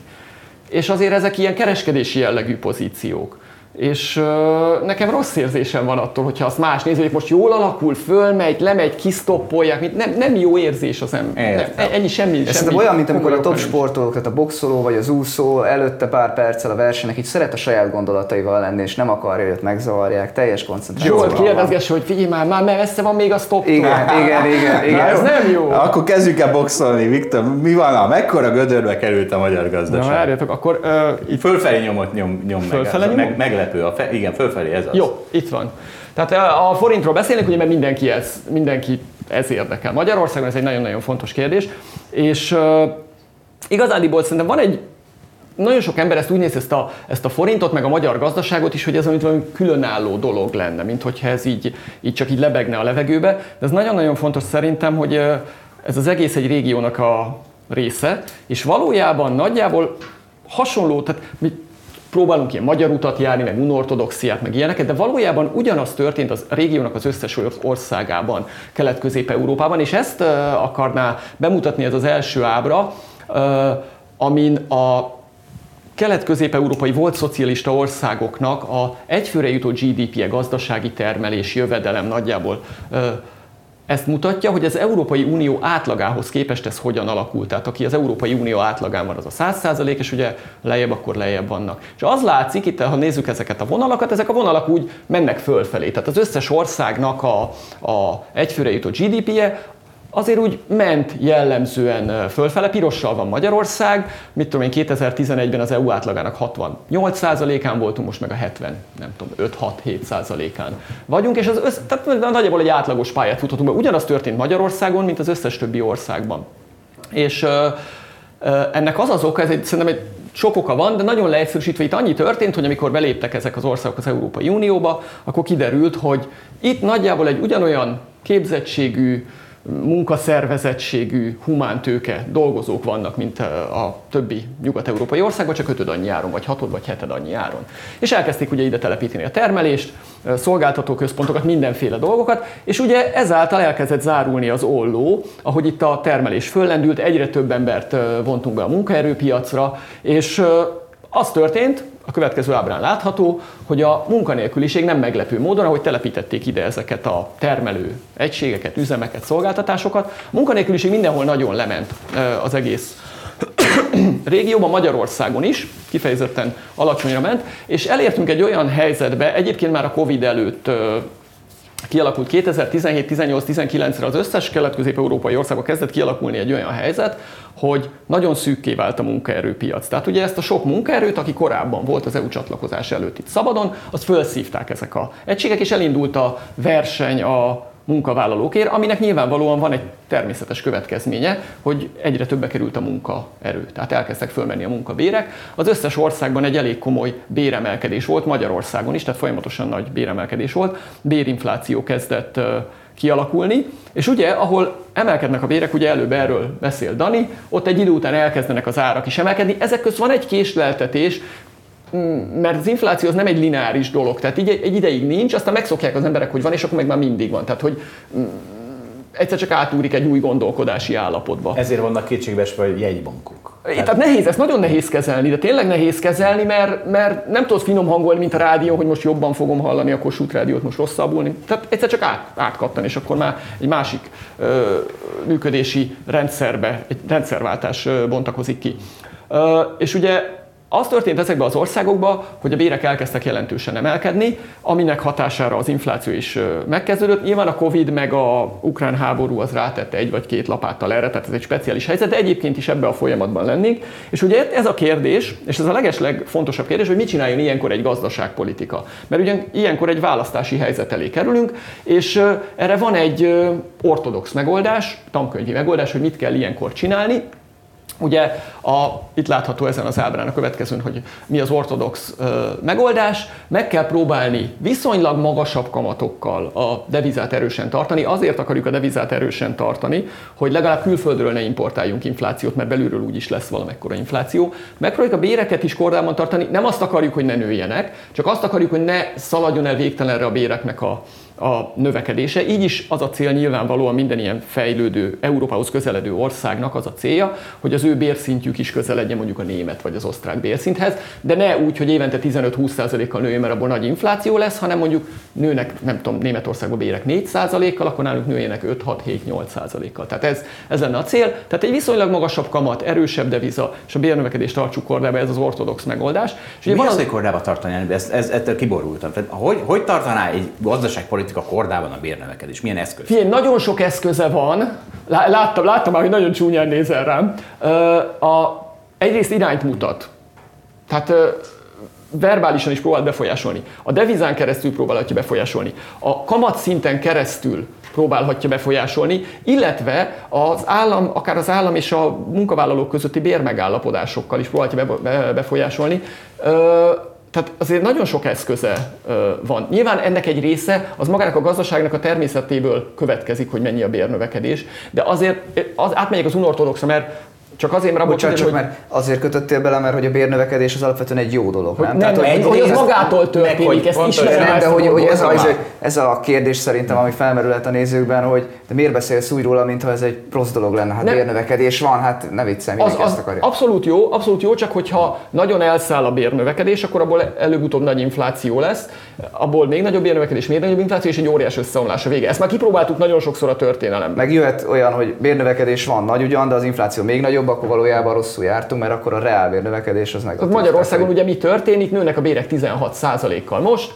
az infláció meg volt évelején 25, és akkor az nem olyan jó azért mégsem a munkavállalóknak. Na mindegy, tehát a, a kormányzatnak azért vannak eszközei, nem mondom, hogy, tehát egyetértek az, amit szoktál mondani, hogy azért egy csomó saját mozgása van a gazdaságnak, de befolyásolni tudja. Most van az unortodox, gaz, unortodox gazdaságpolitikai válasz, amit az elég sokszor eljátszottak latin-amerikai országok, most Törökország az elmúlt tíz évben ugyancsak ezen a pályán van, és ezt próbálja nyomni.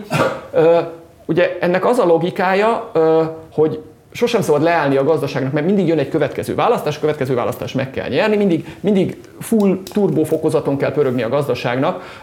Ez olyan, mint amikor van egy ló, ami már tökre elfáradt, mert menté vele egy csomót, egy kicsit meg kéne pihentetni, de sarkantyúzott, sarkantyúzott folyamatosan. Nyilván a végén össze fog omlani és meg fog dögleni szerencsétlen, de állandóan sarkantyúzni kell. Na, hogy lehet sarkantyúzni a gazdaságot? Alacsony kamatokkal, infláció alatti kamatokkal szórunk ki hiteleket vállalkozásoknak, jellemzően állami programokon keresztül. Ugye ez Magyarországon ment elég sokat, és most is megy. Értékelgetjük le a devizát, hogy exportpiacot nyerjünk. Ugye csak egy időre nyerünk vele exportpiacot, mert utána a gazdaságban ugye fölmennek a bérek, és utána megint nem lesz és akkor megint le kell értékelni a devizát. Értékeljük le a devizát. A leértékelődő devizához alacsony kamatok tartoznak, mert úgy tudjuk leértékelni a devizát, és akkor tényleg lesz egy magas bérnövekedésünk, 15-20% bérnövekedés lehet, csak az a baj, hogy föl fog robbanni egy idő után az infláció, megnézhetjük, mi történik Törökországban, ahol sikerült, most már 100%-ra, most már lejjebb jöttek, tudom, most már csak 40 valahány százalék éppen, mert egy jobb periódusukban vannak, de fölment 100%-ra az infláció, azért nem tudom, 5-10 százalékról, ami mondjuk 10 éve volt. Tehát, ott van Venezuela, meg Argentina, ott se sincs jobb periódus, tehát ott, ott azok már egy végtelen ciklus. Ott is van jobb, csak az 50 meg a 100 közötti már nem látjátok a különbséget. Tehát ez egyébként, ez az unortodox válasz egyébként meglepő módon nagyon sokáig ki tud tartani, tehát sok évig el lehet húzni ezt a, ezt a dolgot. És az a kérdés, hogy melyiket választja a magyar ö, gazdaságpolitika. Tehát tényleg ez egy nagyon fontos választási helyzetben van, az ortodoxot vagy az unortodoxot, és attól tartok, hogy ö, A magyar kormányzatban, gazdaságpolitikában van egy hajlam az unortodox válaszra, viszont attól is függ, hogy melyik választ fogják adni, hogy jön-e külső támogatás a magyar gazdaság számára. Tehát szerintem amennyiben az Európai Uniós pénzeknek egy részét megkapjuk, úgy tűnik, hogy egy kicsit kibékülünk az Unióval, akkor Magyarország az ortodoxia és unortodoxia között fog egy kicsit mozogni, tehát nekem az a vélemény, hogy akkor hol az egyik lesz erősebb, hol a másik. Ugye például most az ortodox válasz van Magyarországon, mit tudom én, háromnegyed éve, fölemeltük a kamatokat, beerősítettük a forintot, szigorúak vagyunk, megmondjuk, hogy levisszük az inflációt, árfigyelő van, minden van, és akkor időnként meg elengedjük, amikor úgy kellemesebb nekünk. Szerintem ez várható, hogyha, hogyha az EU-val úgy nagyjából valamennyire normalizálódik a viszonyunk. Ebben az esetben azt gondolom, hogy lesz egy 5-8 százalék közötti infláció Magyarországon, nagyjából hasonló kamatok, és olyan évente 1-2-3-4 százalékkal leértékelődik a forint, és ez nehéz befektetési szempontból, mert hogyha kapok, mit tudom én, 7 százalék kamatot Magyarországon, Németországban meg 3%-ot, de 4%-kal leértékelődik a forint, akkor pont ugyanott vagyok, ha euróba tartom vagy forintba tartom a pénzem, hiába csúszik lefele a forint árfolyama. És a másik lehetőség, hogyha nem tudunk végül kiegyezni az Európai Unióval semmilyen módon sok hónapon vagy éven keresztül, akkor szerintem egyre jobban rá tudunk terelődni erre az unortodox megoldásra, ami egy sokkal negatívabb és hát az a forint számára is egy sokkal rosszabb pálya. Hát én remélem, hogy azért inkább az ortodox és unortodox között megpróbálunk meg tudni megállni. Ugye az a baj az unortodox megoldással, a legalul van ez a, hogy ebben mindig benne van a balesetnek a veszélye, hogy egyrészt fölrobban az infláció, és a lakosság elkezdi kimenekíteni a tőkét. Tehát, hogy ez nem egy praktikus út, sokáig el lehet húzni, de a vége általában nem szokott jó lenni. Bitcoin, nem? Ja, jó, és kiborítottam itt a ez, ez egy másik webináriumban jó. Igen, igen, igen. Hát a több szóban van tiltva. Többes kamatrendszer miatt vagyok egy kicsit. Tehát az milyen vicces, hogy a többes kamatrendszer az az, hogy például Magyarországon a lakossági állampapír egy része, meg az, hogy az MNB-nek van négyféle kamata. Tehát rengeteg, ö, rengeteg manifestációja van, és milyen furcsa az, hogy például nekünk nem a Goldman Sachs vagyonkezelés egy fő, fő ellenfél, hanem mondjuk egy, egy olyan, egy ilyen adófizető által dotált lakossági állampapír, és ez ennek a többes kamatrendszernek egy, egy következménye. Hát igen, én egyébként más, más akartam mondani, hogy amikor a Viktor mondta, hogy van itt egy unortodox hajlam, én egyébként érzek ortodox hajlamokat is. Az Tehát, is hogy van, a, abszolút van. A jelenlegi kormánypártnak én azt gondolom a legfőbb döntés az önök fejében mindig fontos volt az, hogy mekkora a költségvetési hiány, tehát szerintem ilyen szempontból van valami. És hát az élet pedig a magas kamatokat igazolja, mert Magyarországon volt 18%-os irányadó kamat, nem alapkamatnak hívják, de, és az ugye sokkal magasabb, mint a 6-7%-os lengyel, cseh, stb.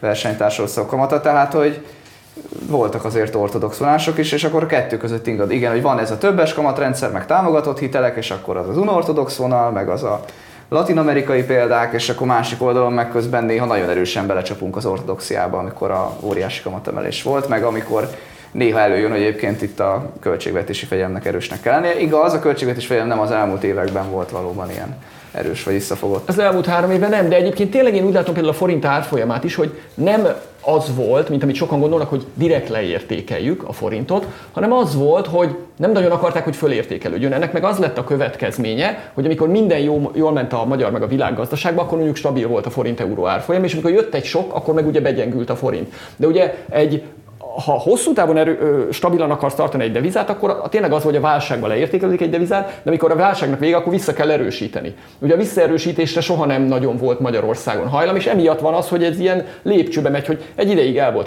2-8-on, hopp, fölugrott 3-10-re, utána tényleg ott stabil volt, és nem az volt a cél, hogy legyengítsék, de az, az, az se volt sose cél, hogy visszaerősítsék. Tehát azt mondták, hogy akkor e, jól van ez így, és akkor így megyünk föl lépcsőbe. Tehát ez történt. Tehát nem, nem, ez nem, tényleg nem olyan tekintetben egy latin-amerikai megoldás, hogy lovak közé csapnak, és akkor elengedik a fenébe az inflációt, meg a devizát, hanem csak így mindig így alakult, mindig jön valami sok, de azt tudjuk, hogy mindig jön egy sok egy gazdaságba. Tehát az anticiklikus gazdaságpolitikának a része is nem csak a jegybank oldaláról, hanem a költségvetés oldaláról is az van, hogy amikor jól mennek a dolgok, akkor tartalékot képezek.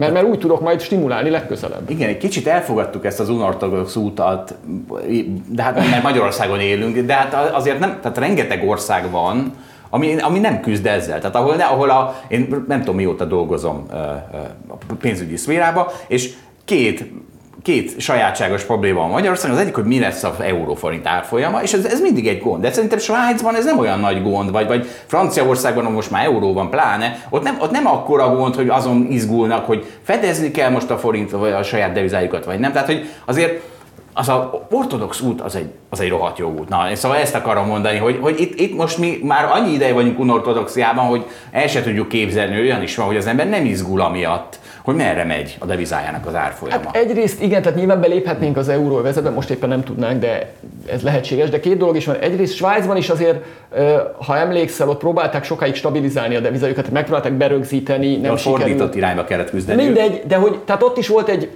kiszámíthatatlanság, aztán elengedték, beerősödött a fenébe, tehát hogy egyrészt voltak problémák. Másrészt, ha belépsz az euróvezetbe, és szerintem egy lehet, hogy ez már nem lesz még egyszer meg, de ugye mi történt a görögökkel? Hiába volt eurójuk, hiába volt saját devizájuk, a, elméletileg, mégis a gazdaságuk össze tudott omlani ennek ellenére. Ott nem a, nem a devizában csapódott ki a, a feszült, tehát a villámhárító nem a deviza volt, hanem az történt, hogy fölment. a, G- a GDP visszaesés A munkanélküliség, meg a... Hárító. Tehát, Csak ők előtte összegyűjtöttek egy csomó bajt, tehát érted, tehát az, a, tehát az, ne, az nem egy Svájc volt, a Svájc beléphetne az euróövezetbe. Érted? Tehát, hogyha ha van egy olyan gazdaságod, ahol mi, tényleg... mi Svájc vagyunk, vagy Görögország?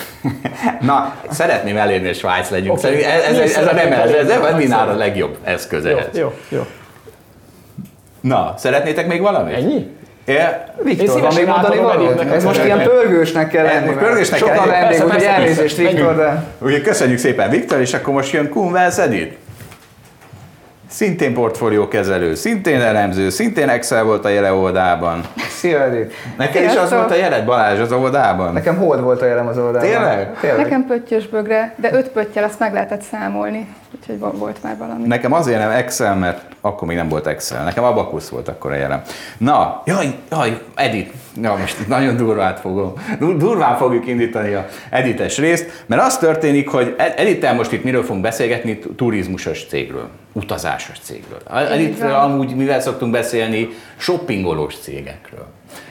Bevásárlós, ki- kiskereskedelmi cégeket elemez na- nagy részben. És és egy kicsit izgulok, hogy nem az van, hogy mi itt elnyomunk téged, hogy rád kényszerítjük a női szerepeket. Tehát, hogy még a, miért nem, miért nem, miért nem egy acélkohót adunk neki elemezni? Mondd meg nekem. Miért, amikor idejöttünk, miért a Karácsony Tamás kapta a bankokat, és miért az Edith kapta a kiskereskedelmi cégeket? Ez egyébként azért volt, mert amikor a Tomi idejött, akkor pont érdekes volt egy bank, és neki kellett adni feladatot, így hát megkapta a bankot. Amikor én jöttem ide, akkor pont egy FMCG cég volt érdekes, ezért azt kaptam meg. Egyébként részemről ez nem probléma, engem nem zavar. Tehát, hogy lehet, hogy én egy tipikus lány vagyok, akit egyébként is érdekelnek ezek a cégek. Jó van. nincs Na, akkor még sincsenek elnyomva a női kollégáink Zsolt, remélem megnyugodtál. E, jó, én, én mindig félek ettől, hogy ezt a pát- patriarchiális elnyomást észre se vesszük, és tessék, és beívódni. De hát Bealvá- Bealvászkodott, igen, nem tudhatjuk. Így, nem tudhatjuk. Lehet, hogy nem tudhatjuk, hogy a vérében van. Ö, El is kezdhetjük. Jó, szuper. Edith akkor. Igazából biztosan nagyon sokakat érdekel, hogy hogyan is zajlik itt az élet a Holdban és a portfóliókezelésen, hogyan válogatunk cégeket. Úgyhogy hoztam egy nagyon jó példát, hogyha lenne a Holdnak egy nagy könyve, akkor ez nagyon sok pontot kipipál a mi listánkon.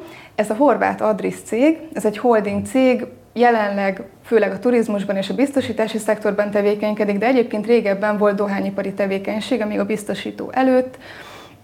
Igazából, hogyha ránézzünk az árfolyam csártra, akkor láthatjuk, hogy amióta mi ezzel a céggel foglalkozunk, körülbelül 2011 óta nagyon szép utat járt be az árfolyam, éves átlagban körülbelül 11%-os tulajdonosi megtérülést hozva a befektetőknek, hogyha akkor megvették és azóta tartottuk volna folyamatosan.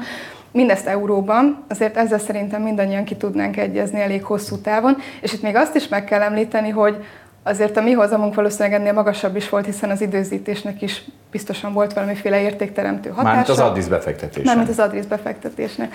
Úgyhogy ugye az én előadásom fel, beharangozása úgy szólt, hogy mi köze a horvát nyaralásnak a befektetésekhez, hát az, hogy van egy tök jó példa, az Adris, aminek hotelei vannak, kempingjei vannak, ezeket nagyon jól menedzseli, és ezen keresztül akkor nézzük is meg, hogy, hogy miket keressünk mi egy jó befektetésben. Ugye azt már Balázs előadásában is elhangzott, hogy fundamentálisan gondolkodunk, ami azt jelenti, hogy minden elemző itt a cégben nagyon mélyen próbálja megérteni azokat a vállalatokat, amelyekkel foglalkozunk, beszélünk a menedzsmenttel, rászánjuk az időt, tehát ez tényleg egy kemény munka, és emellett pedig value befektetők is vagyunk, ami pedig azt jelenti, hogy olcsó cégeket keresünk. Úgyhogy ez a kiinduló pont, és emellett és ezen túl még számos más tényezőt is figyelembe veszünk.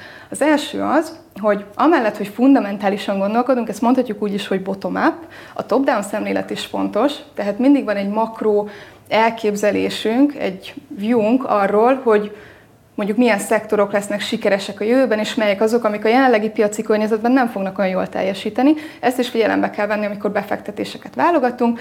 Az Adris példája a múltban is, sok éven keresztül is egyébként jelenleg is azt mutatja, hogy mivel itt a régióban a reálbérek emelkedésére számítunk, ennek a helyzetnek nyertese lesz majd a turizmus szektor, tehát az Adris az egy jó lehetőség.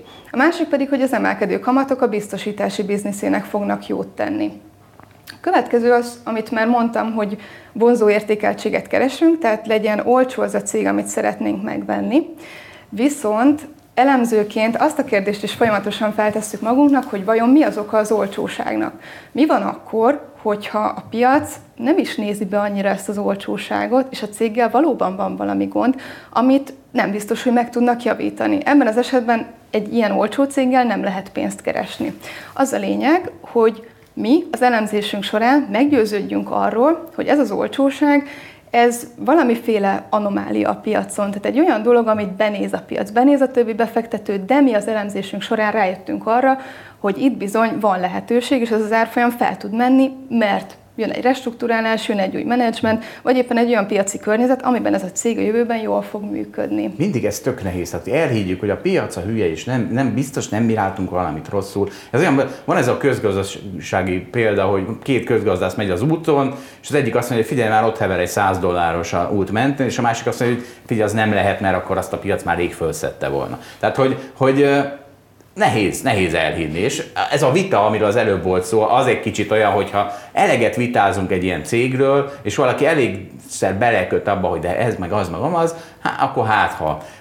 Na, erre, erre egy én, hogy na, ide kell a tapasztalat. Tehát ez az, ami a tankönyvből, meg a nem tudom, elméleti tudásból nem jön ki, mert mert pont ez történik, hogy elemzel egy céget, kijön, hogy szerinted olcsó, mert szerinted a piac elnézi, mondjuk, hogy te nagyobb növekedés gondolsz a horvát turizmusban, mint amit mondjuk az elemzők meg más befektetők gondolnak, mert szerintünk ebben évi 10%-os növekedés van, és mindenki más évi 2%-os növekedéssel számol.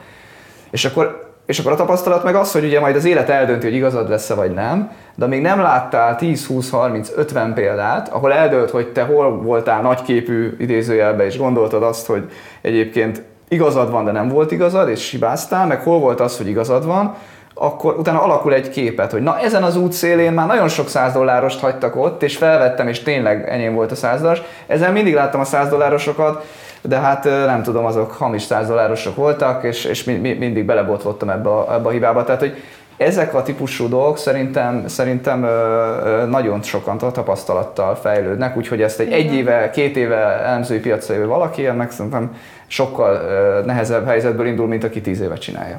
Nagyon fontos, amit mondasz, az alázat az egyszerűen elkerülhetetlen, hogyha túlzott magabiztossággal mész neki a tőzsdének, akkor nagyobb valószínűséggel égeted meg magad. Azt kell látni, hogy annyira sok szereplő van a piacon, annyira sok befektető nézi a, a cégeket, hogy nagyon nagy magabiztosság kell az az állításhoz, hogy én majd jobban tudom, mint mindenki más. És ez tényleg a tapasztalattal jön, és Szerintem mi vagyunk egyébként abban a szerencsés helyzetben, hogy nagy a csapat, és sok időt rá tudunk szállni az elemzésre. Tehát úgy gondolom, hogy azért egy elég megalapozott befektetési döntéseket hozunk. Ráadásul még, ha már így a holdas életről beszélünk, akkor azt is hozzátenném, hogy ez egy dolog, hogy én egyedül ülök az asztalnál, elemzek, gyűjtöm az adatokat, és megpróbálok kihozni belőle valami okosságot, viszont ezeket az ötleteket megbeszéljük egymás között is, vannak ilyen portfóliókezelői megbeszéléseink, ahol igyekszünk belekötni egymás gondolataiba, hogy több szem, többet lát elve, nézzünk meg több szempontból is a problémát, és hogyha ebből tényleg olyan eléggé konszenzusosan az látszik, hogy na, ez egy jó befektetés, tényleg olcsó, a kockázatokat is jól megértettük, na abból jöhetnek ilyen adriszhoz hasonló jó lehetőségek. Úgyhogy a harmadik fontos pont az az, hogy Ugye említettük, hogy hogy lehetek okosabb mindenki másnál. Vannak egyébként a piacnak olyan Bocsánat, részei... nem kell szerencsére mindenki másnál, elég csak a mindenkinek az átlagánál. Igen, igen. Mert hogy mindig lesz biztos valaki, aki okosabb, de hogy elég a átlagnál, mert ugye végül is a súlyozott átlag lesz valahol a piaci ár. És hadd hozzam be ide egy kedvenc témámat, tehát hogy mitől lehet az, hogy egy, a piac nagy része nagyon rosszul áraz valamit, én akkor mindig az érzelmeket hozom be, hogyha valamiért az érzelmek oda, oda be, be benyomultak, és érzelmi alapú döntéseket hoznak akár azzal kapcsolatban, és megint, megint a Covid lesz a legjobb példa, amikor mindenki ö, meg volt ilyet hogy mi lesz a világgal, és eladták a részvényeket, és az a kérdés, a világgal nem lesz semmi, és, és hogyha az ember ilyenkor kihagyja Lett az a érzelmet, világgal valami, én is megértem. De mindig van egy- három túlreagálás. időtávon már nem Ez, lesz semmi a világgal. Abban igaza van a Zsoltnak, hogy azért ilyen túlreagálások gyakran vannak, és hogyha azt is elemzőként be tudod bizonyítani magadnak, hogy ez most tényleg egy túlzott reakció volt, azon is lehet jól pénzt keresni. Úgyhogy, de egyébként a piacnak vannak olyan részei, ahol az, az úgynevezett piaci hatékonyság nem működik olyan jól. A piac akkor hatékony, hogyha rendelkezésre álló információk beépülnek az árakba, és a piaci ár tükrözi, hogy valójában mire képes az adott cég, aminek a részvényeibe szeretnék befektetni.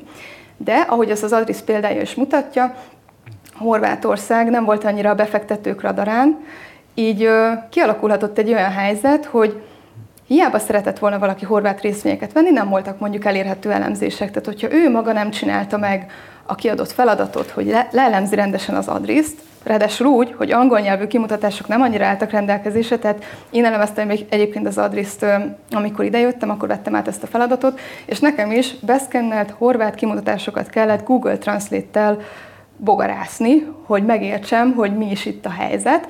Ez volt itt az egyik anomália. A másik nagyon érdekes dolog az adris El vagy nyomva, kapcsolatban.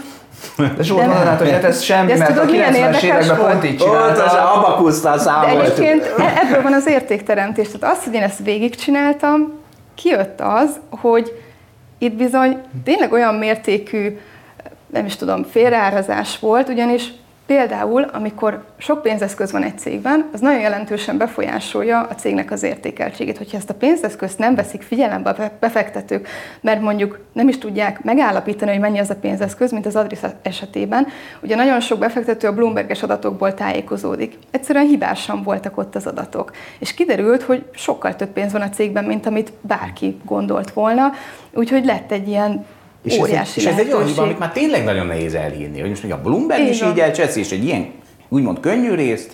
Na igen. Így van. Úgyhogy ö, erre majd mindjárt hozok egy ábrát is, hogy ezt így pontosabban megnézzük, de még az utolsó fontos pont, amire figyelni szoktunk, az az, hogy szeretjük a tulajdonos által menedzselt vállalatokat, ugyanis ebben az esetben a menedzser és a tulajdonos személye ugye egy, tehát nagyon hasonló cipőben jár, mint a részvényes, mint mi. Tehát a saját döntéseinek a súlyát érzi a saját pénztárcáján, és nagyon sok kutatás található az interneten is arról, hogyha bárki így veszi a bátorságot és utána néz, arról, hogy a tulajdonos által menedzselt vállalatoknak általában jobb a megtérülése, mint azoknak a vállalatoknak, ahol szórt a tulajdonosi struktúra, vagy ahol mondjuk az állam nagy tulajdonos. Akkor még nézzük meg gyorsan ezt a példát, amit mutatni akartam. Ez az ábra azt mutatja, hogy 2011-ben, amikor a cég felkeltette az érdeklődésünket, hogyan nézett ki az értékeltsége. A baloldali oszlopnak az alsó része sötétebb kék mutatja, hogy egy részvényre jutóan mennyi pénz volt a cégben. És láthatjuk, hogy az akkori részvény árfolyam, még horvát kunában 218 kuna, annak a nagy részét igazából a cégben lévő pénzeszközök tették ki, és magának az operációnak a piac alig adott értéket. Míg, hogyha megnézzük a jobb oldali oszlopot, ez az akkori értékítéletünk volt a cégről, összesen 400 kunára értékeltük ekkor a céget. Ugye a pénzeszközök értéke az egy tényadat, az ugy- ugyanannyi, és utána, hogyha ehhez úgynevezett sum of the parts módon, tehát a holding cégeit külön-külön beértékelve felépítjük az értékelést, akkor láthatjuk, hogy az operációnak bizony sokkal nagyobb értéke van, mint amit akkor a piac tulajdonított ennek.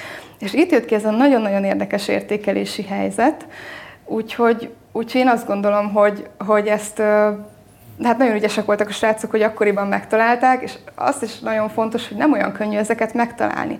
Tehát itt egy nagy csapat dolgozik minden nap azon, hogy ehhez hasonló jó lehetőségeket találjunk, és ez bizony kemény munka.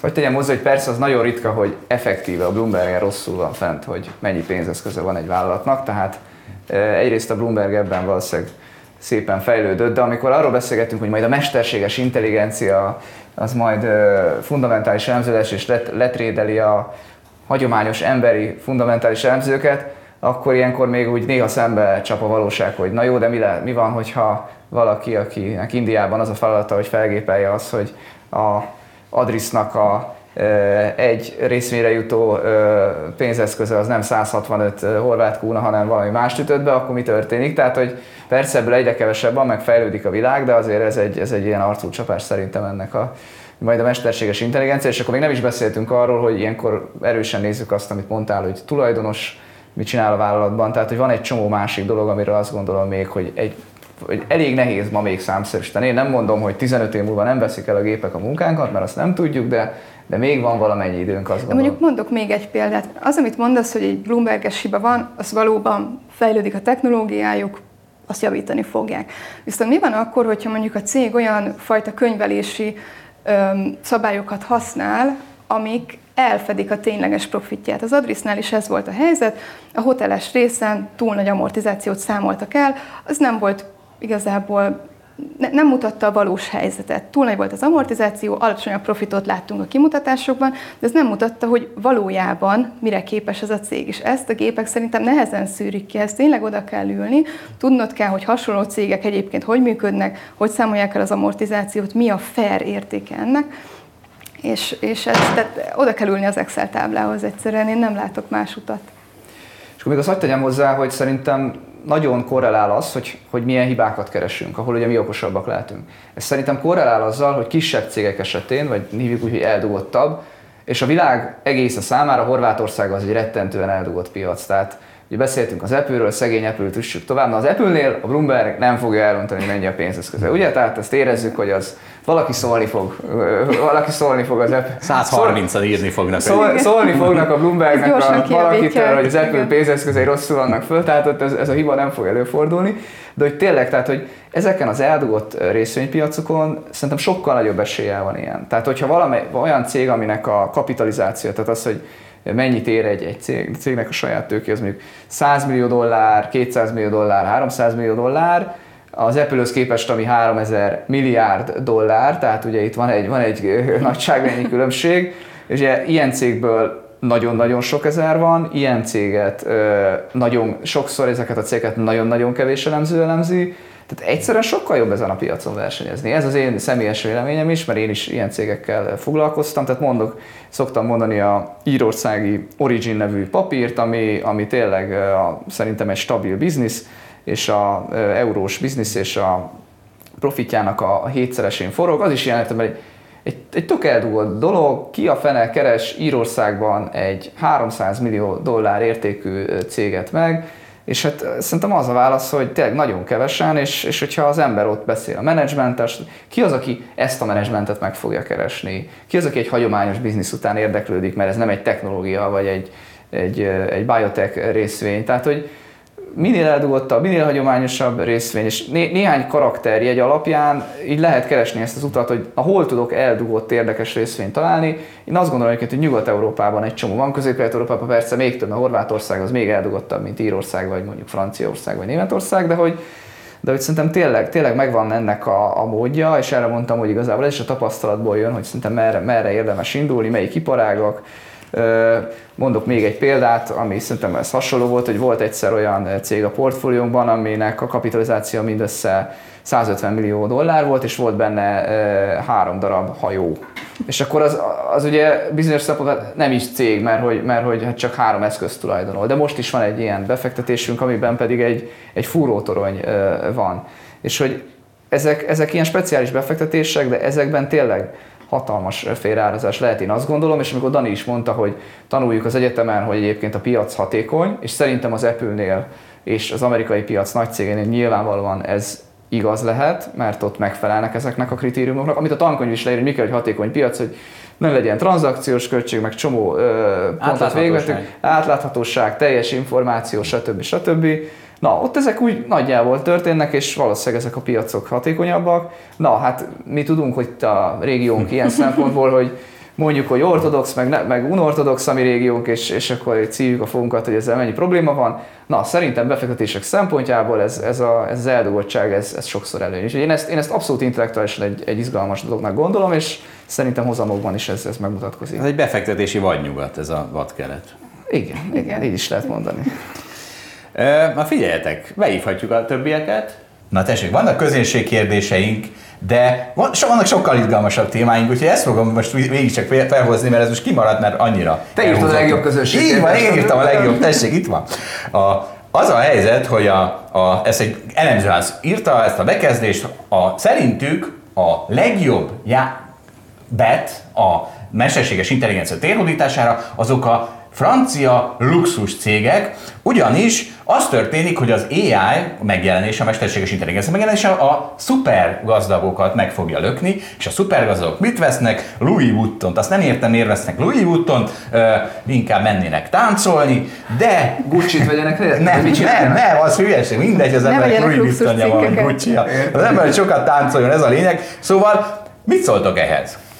Valaki, Dani, kezdte mondjuk. Ezt mi úgyse fogjuk megérteni, hogy miért vesznek az emberek ilyet, de tehát én csak outsiderként tudok erről beszélni. Eddig a luxus, luxus szektor az egy nagyon jól teljesítő iparág volt, de visszatérve a globalizációs gondolatomra, hogy ennek nagyon kedvező, kedvezett a globalizáció. Tehát valójában arról szólt az elmúlt 40 év a világban, hogy a gazdagok sokkal gazdagabbak lettek, mert amikor ők valami jó terméket, szolgáltatást tudtak nyújtani, árulni, ezt az egész világnak tudták árulni, miközben a nagyon jelentős rész, a főleg a fejlett országban nem lett gazdagabb, a fejlődő világban egyébként igen, e, ennek köszönhető, hogy például kiszerveztek oda egy csomó minden dolgot. Na most, hogyha a következő néhány évtized arról fog szólni, hogy egyébként a relatíve elszegényedők inkább meggazdagodnak, vagy kevésbé lesznek szegények, mert ott nőnek a bérek, aki pedig hipergazdag volt, az nem tudja ezt tovább javítani a helyzetét, Például azért, mert a szabályozókat szavarni fogja, például azért, mert egyébként a társadalomban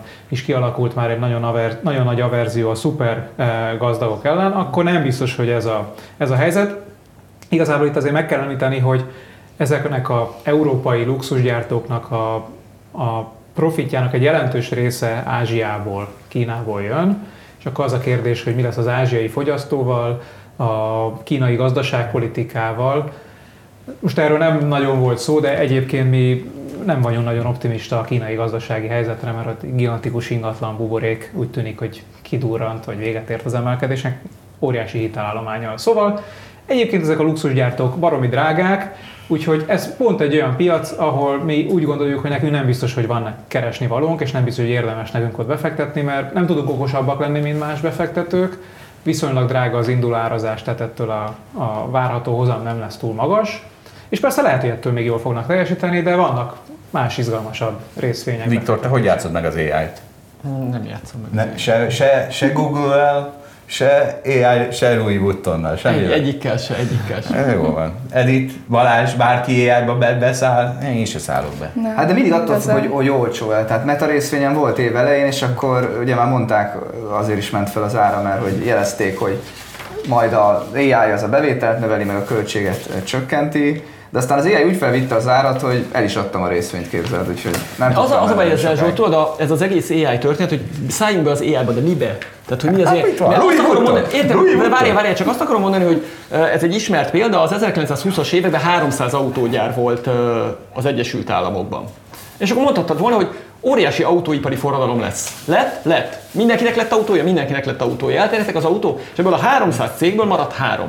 Tehát ha olyan ügyes volt, hogy ki tudtad választani, hogy a Ford, a GM meg a Chrysler megmarad, akkor nagyon sok pénzt keresti. A másik 297-ben raktál pénzt, az mind lenullázódott. Nem mind, mert voltak ilyen összeolvadások, de nagy részén egy csomó pénzt vesztettél. Tehát ez nem olyan evidens kérdés, hogy vegyünk AI-t. Mit? Ha meg tudod mondani. Na tessék, Kál Icahn megmondja. Azt mondta, ez Dani küldte, van a közös Teams chatünk. Nem oda. biztos, hogy tudják ki ez a Karl Icahn.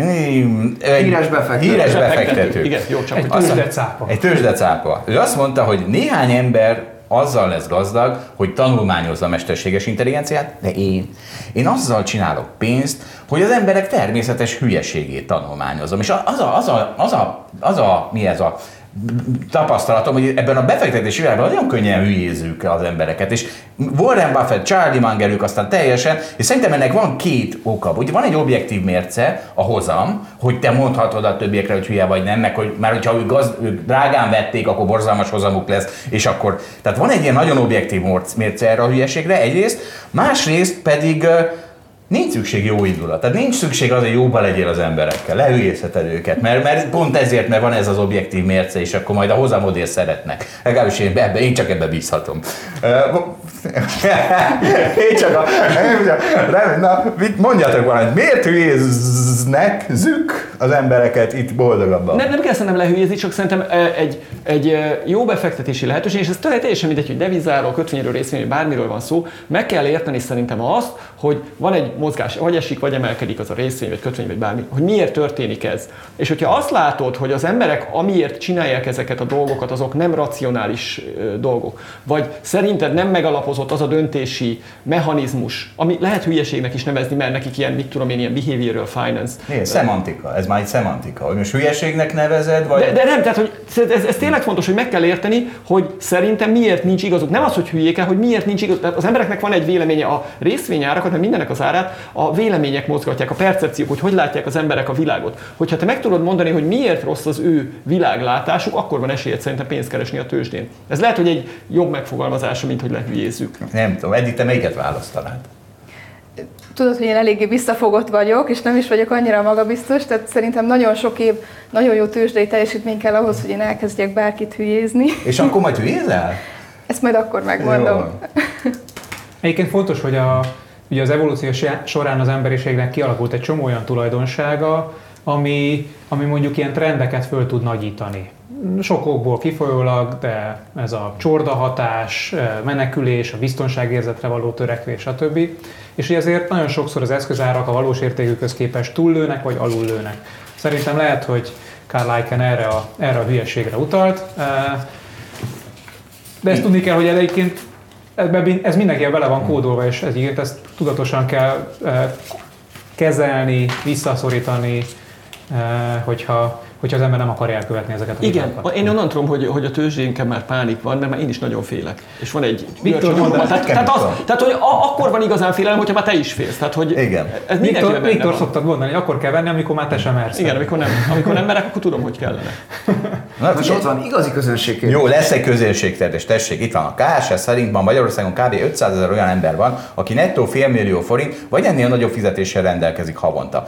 Nem azért nincsen jelentős befektetési kultúra, mert a legtöbb embernek nincs pénze? Hát az biztos, hogy szükségszerű legyen, és Magyarországon tényleg a lakosság nagyon-nagyon alacsony hányadának van érdemi megtakarítása, amivel már azt lehet mondani, hogy érdemes vagy kell sokat foglalkozni. De azért azt tegyük hozzá, egyébként van egy ilyen tévnézet, hogy óriási vagyoni különbségek, meg jövedelmi különbségek vannak Magyarországon, nincs. Tehát Magyarországon a világ átlagához képest viszonylag kicsik a jövedelmi meg vagyoni különbségek, ez lehet, hogy egy kicsit meglepő sok nézőnek, de hát az, hogy Magyarország nem túl gazdag ország. És emiatt a, akiknek van kellő megtakarításuk, azoknak nem olyan nagy a száma.